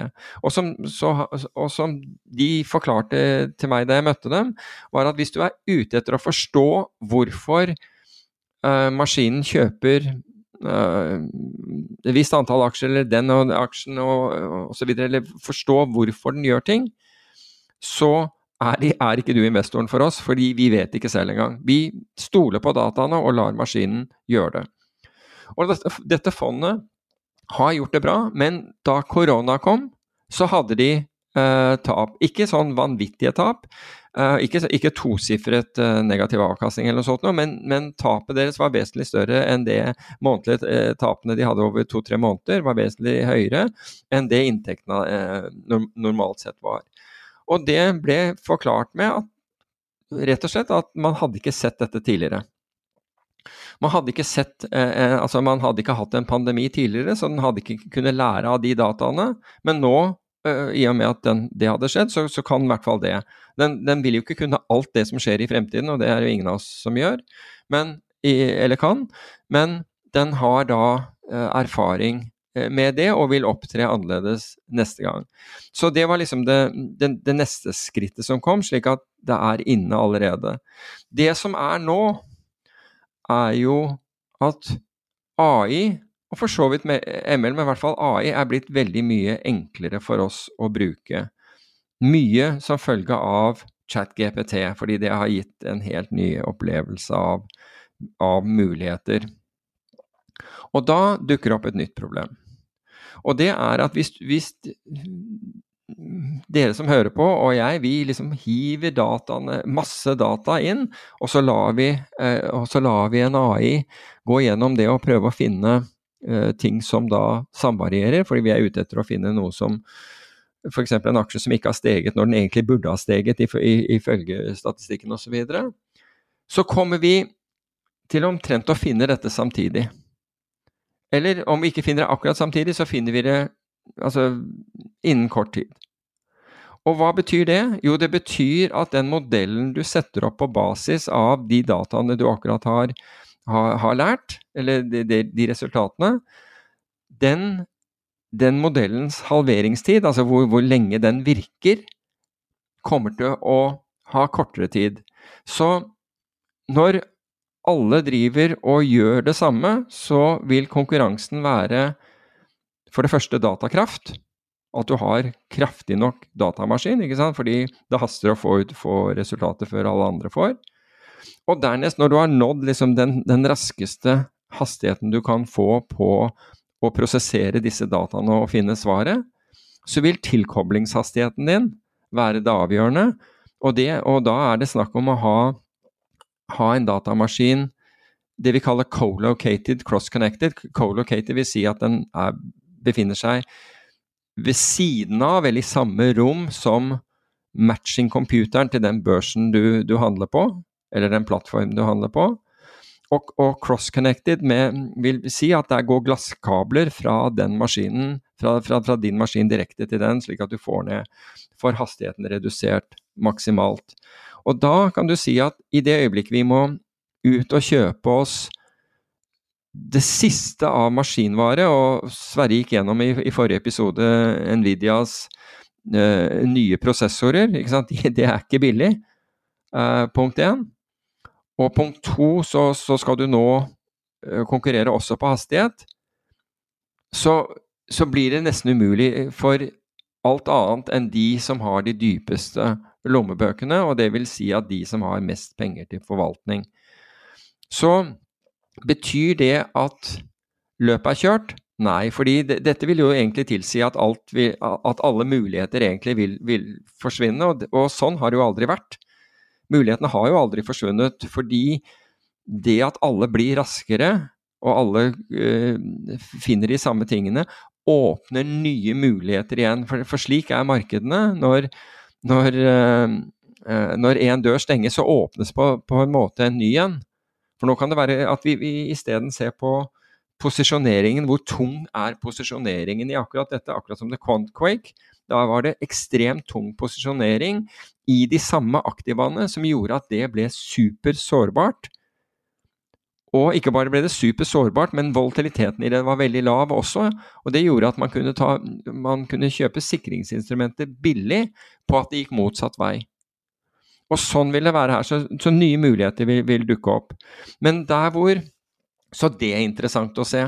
Så hvis du vet hvor på en måte alle driver og fokuserer i øyeblikket, så kan det være at, at da, da, er den muligheten i ferd med å lukke seg.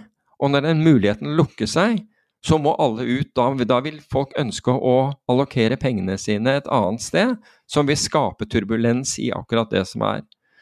Så det, det dette har resultert i, altså hvor mulighetene fremover ligger Altså, vi får bedre prisede markeder eh, på den måten at hvis at et oljeselskap være seg i Italia, om, om det er eh, i Norge eller, eller, hvor som helst. Altså, de vil handle mer likt, da, for å si det på den måten, i forhold til bevegelser i oljeprisen. Alt annet like. Glem skatteregimer og, og, og, og, så, og så videre. Men alt annet like så vil de opptre mer og mer likt som, som følge av dette. Men, men det, som sagt, det gir også muligheter. Men der man ser nå, nettopp fordi disse andre områdene av analyse at hvis du skal ligge i forkant over tid, så koster det veldig mye datakraft, og du må ha det raskeste, eh, de raskeste det, kommunikasjonsutstyret, og da tenker jeg kommunikasjon mellom, mellom eh, din maskin og, og, og, det vi kaller matching engine, altså der hvor, hvor, hvor uh, børscomputere, rett og slett der hvor handlene matches på, på, på en børs, børs, eller en handels, handelsplattform. Så det det går til, det neste skrittet, og der hvor vi allerede, hvor vi allerede ser nå, det er, som, det er augmented AI.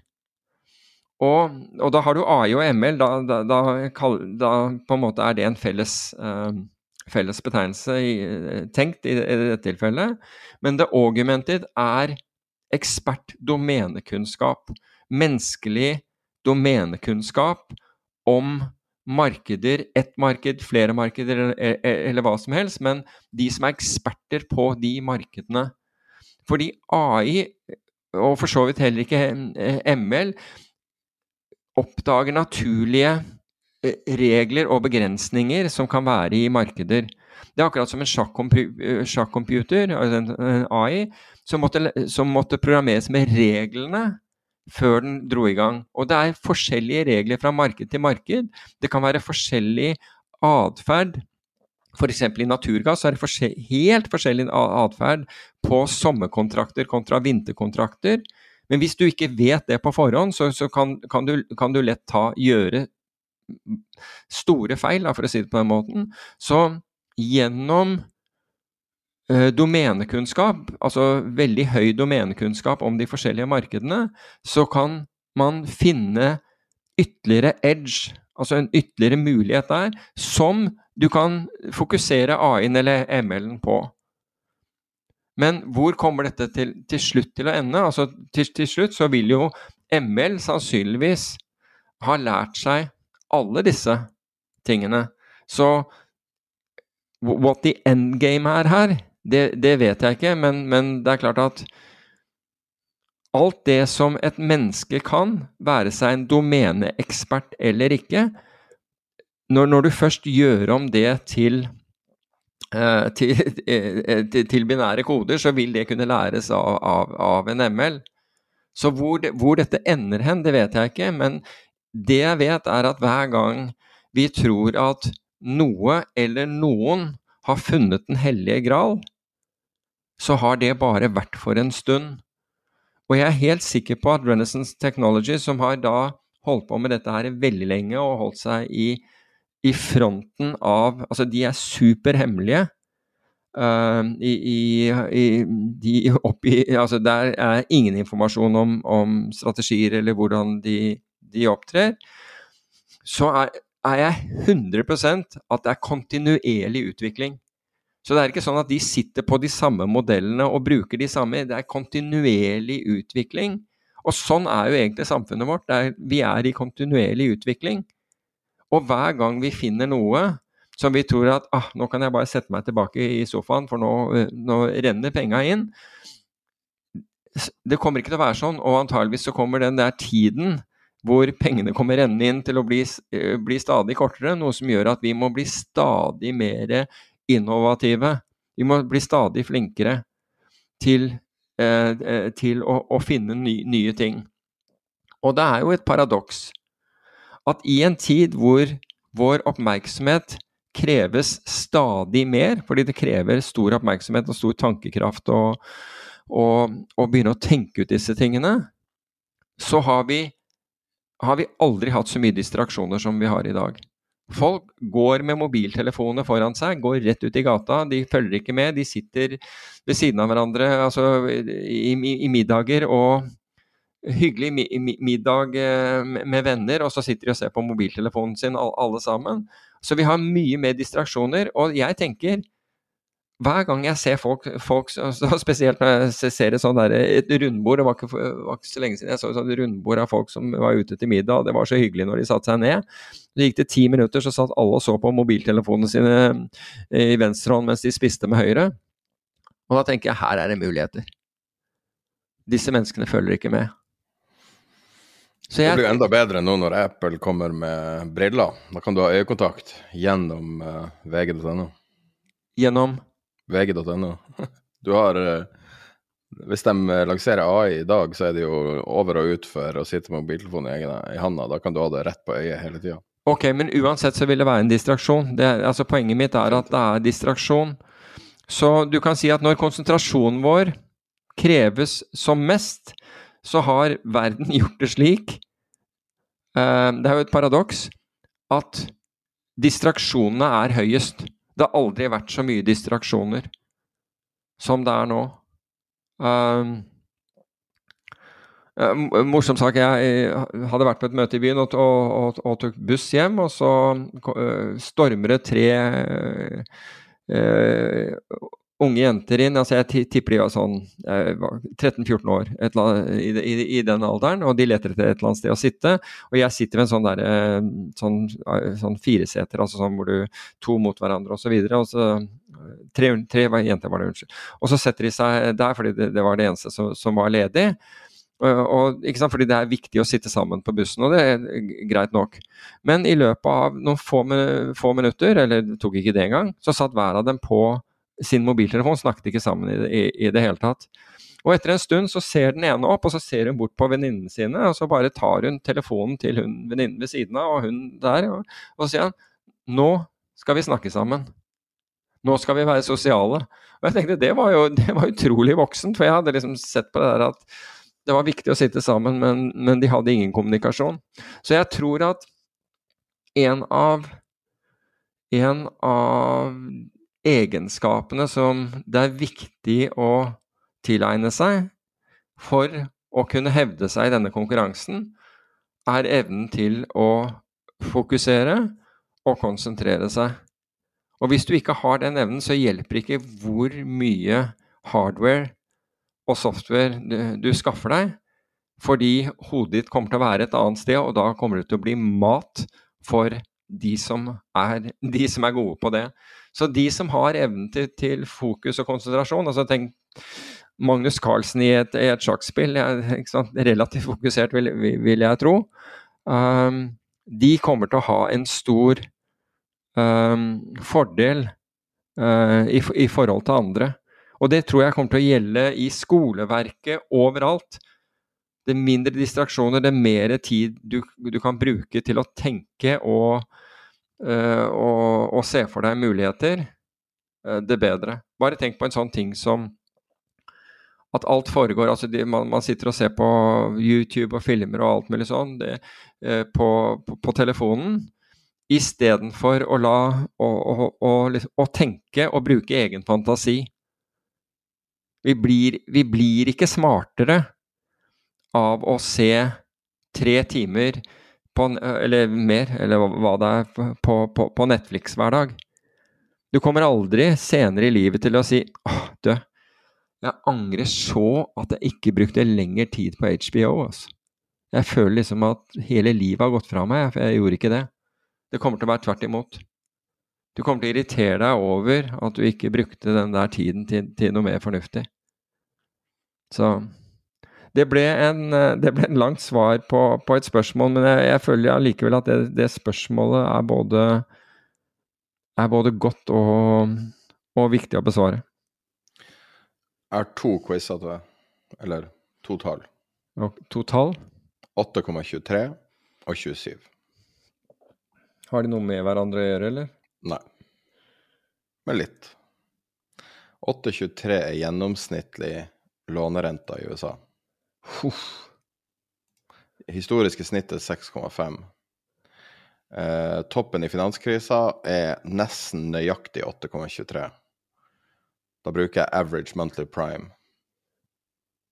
Toppen i finanskrisen var 8,23? Før finanskrisa, mener jeg. Oh, ja, ok. Jeg ser jo bare den perioden. Wow. Ja. Eh, 7, 2007. 2006, 2007. Wow. Eh, nummer to tall er antall Lamborghinier og Mercedes GT Nei, hva det heter det der? Mercedes, sånn, eh, AMG GT. Nei, Det er like mange GT og Lamborghinier til salgs akkurat nå. 27 i Oslo. wow. I Norge. Jeg syns jeg så et eller annet forleden hvor eh, Hvor det gikk Var det ikke det at eh, jeg kunne ikke betale for eh, Kunne ikke betale eh, renter og avdrag, så, så måtte selge noen sånne vanvittige biler, tror jeg. Ja, det er mye av det. Men jeg bare tenkte det var Det var noe vi har toucha innom før. Sånn opp. Jeg føler at det er mer enn det var sist, men jeg husker ikke akkurat tallet. Jeg så Tror det var det en eh, hvor folk driver og stamper klokker og, Mm. for, å, for å få hentet inn penger. På lånekontoret. Ja. Ja, nettopp. Akkurat. Du, kan jeg ta den derre Den uh, greia om dette eh, Perks, hva, hva kaller vi Altså folkefinansieringen? Kan jeg bare ta en sånn kjapp Ja. der? Eh, for Det er ganske lenge nå, bare sånn du vet. ja, altså, det- men jeg skal være kort på det. Fordi slik jeg har forstått det, altså jeg, jeg har ingen, eh, ingen, eh, ingen binding til dette selskapet, så, så det er bare tilfeldig. Men poenget mitt med, med dette her er at Finanstilsynet vil da stanse denne virksomheten, altså utlånsvirksomhet via, via folkefinansiering. Og jeg kunne forstått det hvis de hadde f.eks. vesentlig mer tap på, på dette, altså på, på virksomheten, eller med andre ord de investorene, de som skjøt inn penger eller lånte ut penger, hadde mye større tap enn enn man har i bankene. Men det er mindre. Det er mindre tap, altså i hvert fall har har de hatt det, til nå mindre tap enn de andre. Og nå vil Finanstilsynet stanse dette, og jeg lurer på hvorfor vil de stanse dette her? Fordi kredittkortbusinessen, den kunne de, altså som bankene driver, og som kan ha rente nærmere 20% Jo, men staten har ikke eierskap i Perks, da. Nei, akkurat. My point. Så her, er det, her skal man beskytte de Her er de hellige kuene, les bankene, som skal beskyttes mot, eh, mot eh, eh, privat initiativ og konkurranse.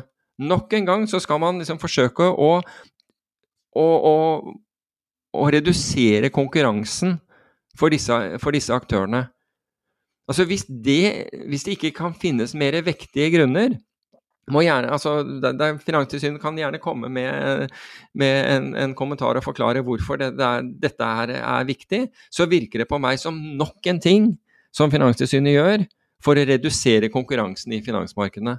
Og de, de, det, det er liksom no, Altså tiltakene de, de har gjort fra, fra tidligere, er er, er, store. Og jeg vet ikke om det var noen som så NRK hadde Wirecard dokumentar i går, søndag. Og hele Wirecard, altså der de som gjorde Forsøkte å gjøre myndighetene eh, oppmerksom på at Wirecard drev eh, svindel. De mente klart at de svindlet folk de ble etterforsket av både ø, ø, tyske Økokrim og, og tyske Bafin, Finanstilsynet. Og, og tyske Finanstilsynet gikk sågar etter Financial Times for, for å ha, ha, eh, ha skrevet om dem. Så der gjorde de alt de kunne for å beskytte. Igjen skulle de beskytte en stor aktør, og så viste det seg at det var svindel. Så og, og man, man, gjør akkurat det samme i Norge hvis noen av de store gjør feil. Og er, jeg, jeg, vil jo si at, den, at, hvis du ser den der Wirecard og, og leste DN var det i, i, i fjor, så synes syns det å ha en viss parallell til, til et foretak i, i, i, Norge. Men der skjedde det heller ingenting. Ja, vi kan ta, ja, vi kan, ja, vi kan ta, den, ta den etterpå. Som ikke driver med why, altså ikke, ikke helt, uh, helt, det samme, men det var en stor aktør. Hadde ingen konsekvens, enda man oppdaget at, at man hadde løyet for myndighetene og hele pakka ingen konsekvens, men isteden så, så, så er de drakoniske mot, på, mot små aktører. Og resultatet av det er at konkurransen blir dårligere. For det første så tar du ikke de som virkelig gjør, gjør uh, bryter uh, lover og regler. Og i, uh, punkt én. Og punkt to er at konkurransen blir mindre fordi mindre aktører holdes til en mye høyere standard enn det store gjør. Det er på tide at noen våkner opp her, altså. Virkelig. Ålreit. Jeg er ferdig med, med, med, med de tingene. Uh, skal vi runde av med Shout-out? Kommentar til en, ja. Jeg vil gjerne gjøre en, en, en shout-out her, fordi jeg, jeg syns fyren fortjener det. Og det var en, en uh, lojal lytter som går under navnet Dr. Vext som gjorde meg oppmerksom på, på dette her. Og og det var pga. at vi hadde omtalt Daniel Salbu som padlet fra, fra Strømstad til, til, i sør til russergrensen, eller svenskegrensen i sør, mellom Norge og Sverige, til uh, grensen mellom Norge og Russland i, i, i, fjor. Og han gjør meg da oppmerksom på Atle Førsvold, og han kalles syk Sykkelladden på, på Instagram. Og og Atle Førsvold han har satt seg på sykkel og skal sykle fra Nordkapp til Cape Town. Altså Og det er 45 000 km. Han skal da sykle eh, langs vest, ned langs vestkysten av Afrika og opp langs østkysten av Afrika, og så, så tar han opp gjennom Sverige til, tilbake igjen. 45... Han skal, han skal sykle tur-retur? Tur-retur. 45 000 km, det tilsvarer 13 Tour de France, 79 Trondheim-Oslo og 1,1 gang rundt ekvator. Og han fortjener en shout-out. Det må jeg si at det Altså, fantastisk hva, hva, du kommer til å oppleve på, på veien.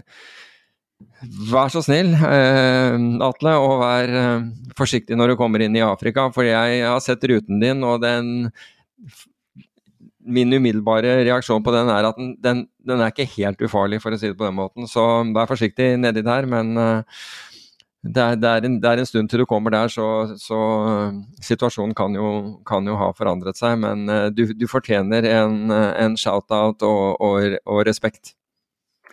Utrolig nok så er det en kar som gjør noe mer ekstremt enn det du sier nå.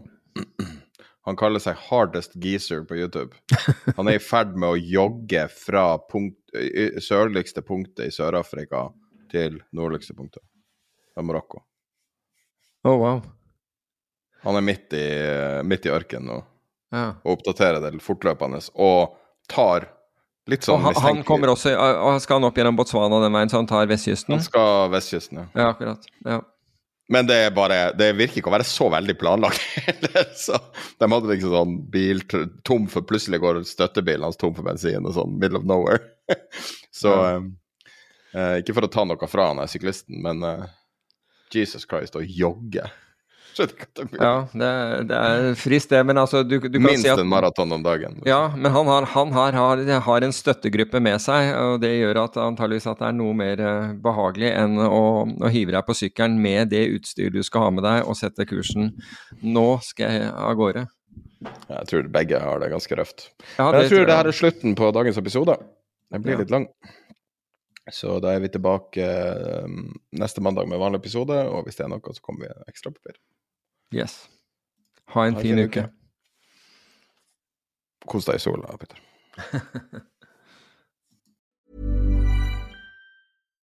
Support comes from ServiceNow, the AI platform for business transformation. You've heard the hype around AI. The truth is, AI is only as powerful as the platform it's built into. ServiceNow is the platform that puts AI to work for people across your business, removing friction and frustration for your employees supercharging productivity for your developers, providing intelligent tools for your service agents to make customers happier. All built into a single platform you can use right now. That's why the world works with ServiceNow. Visit servicenow.com slash AI for people to learn more.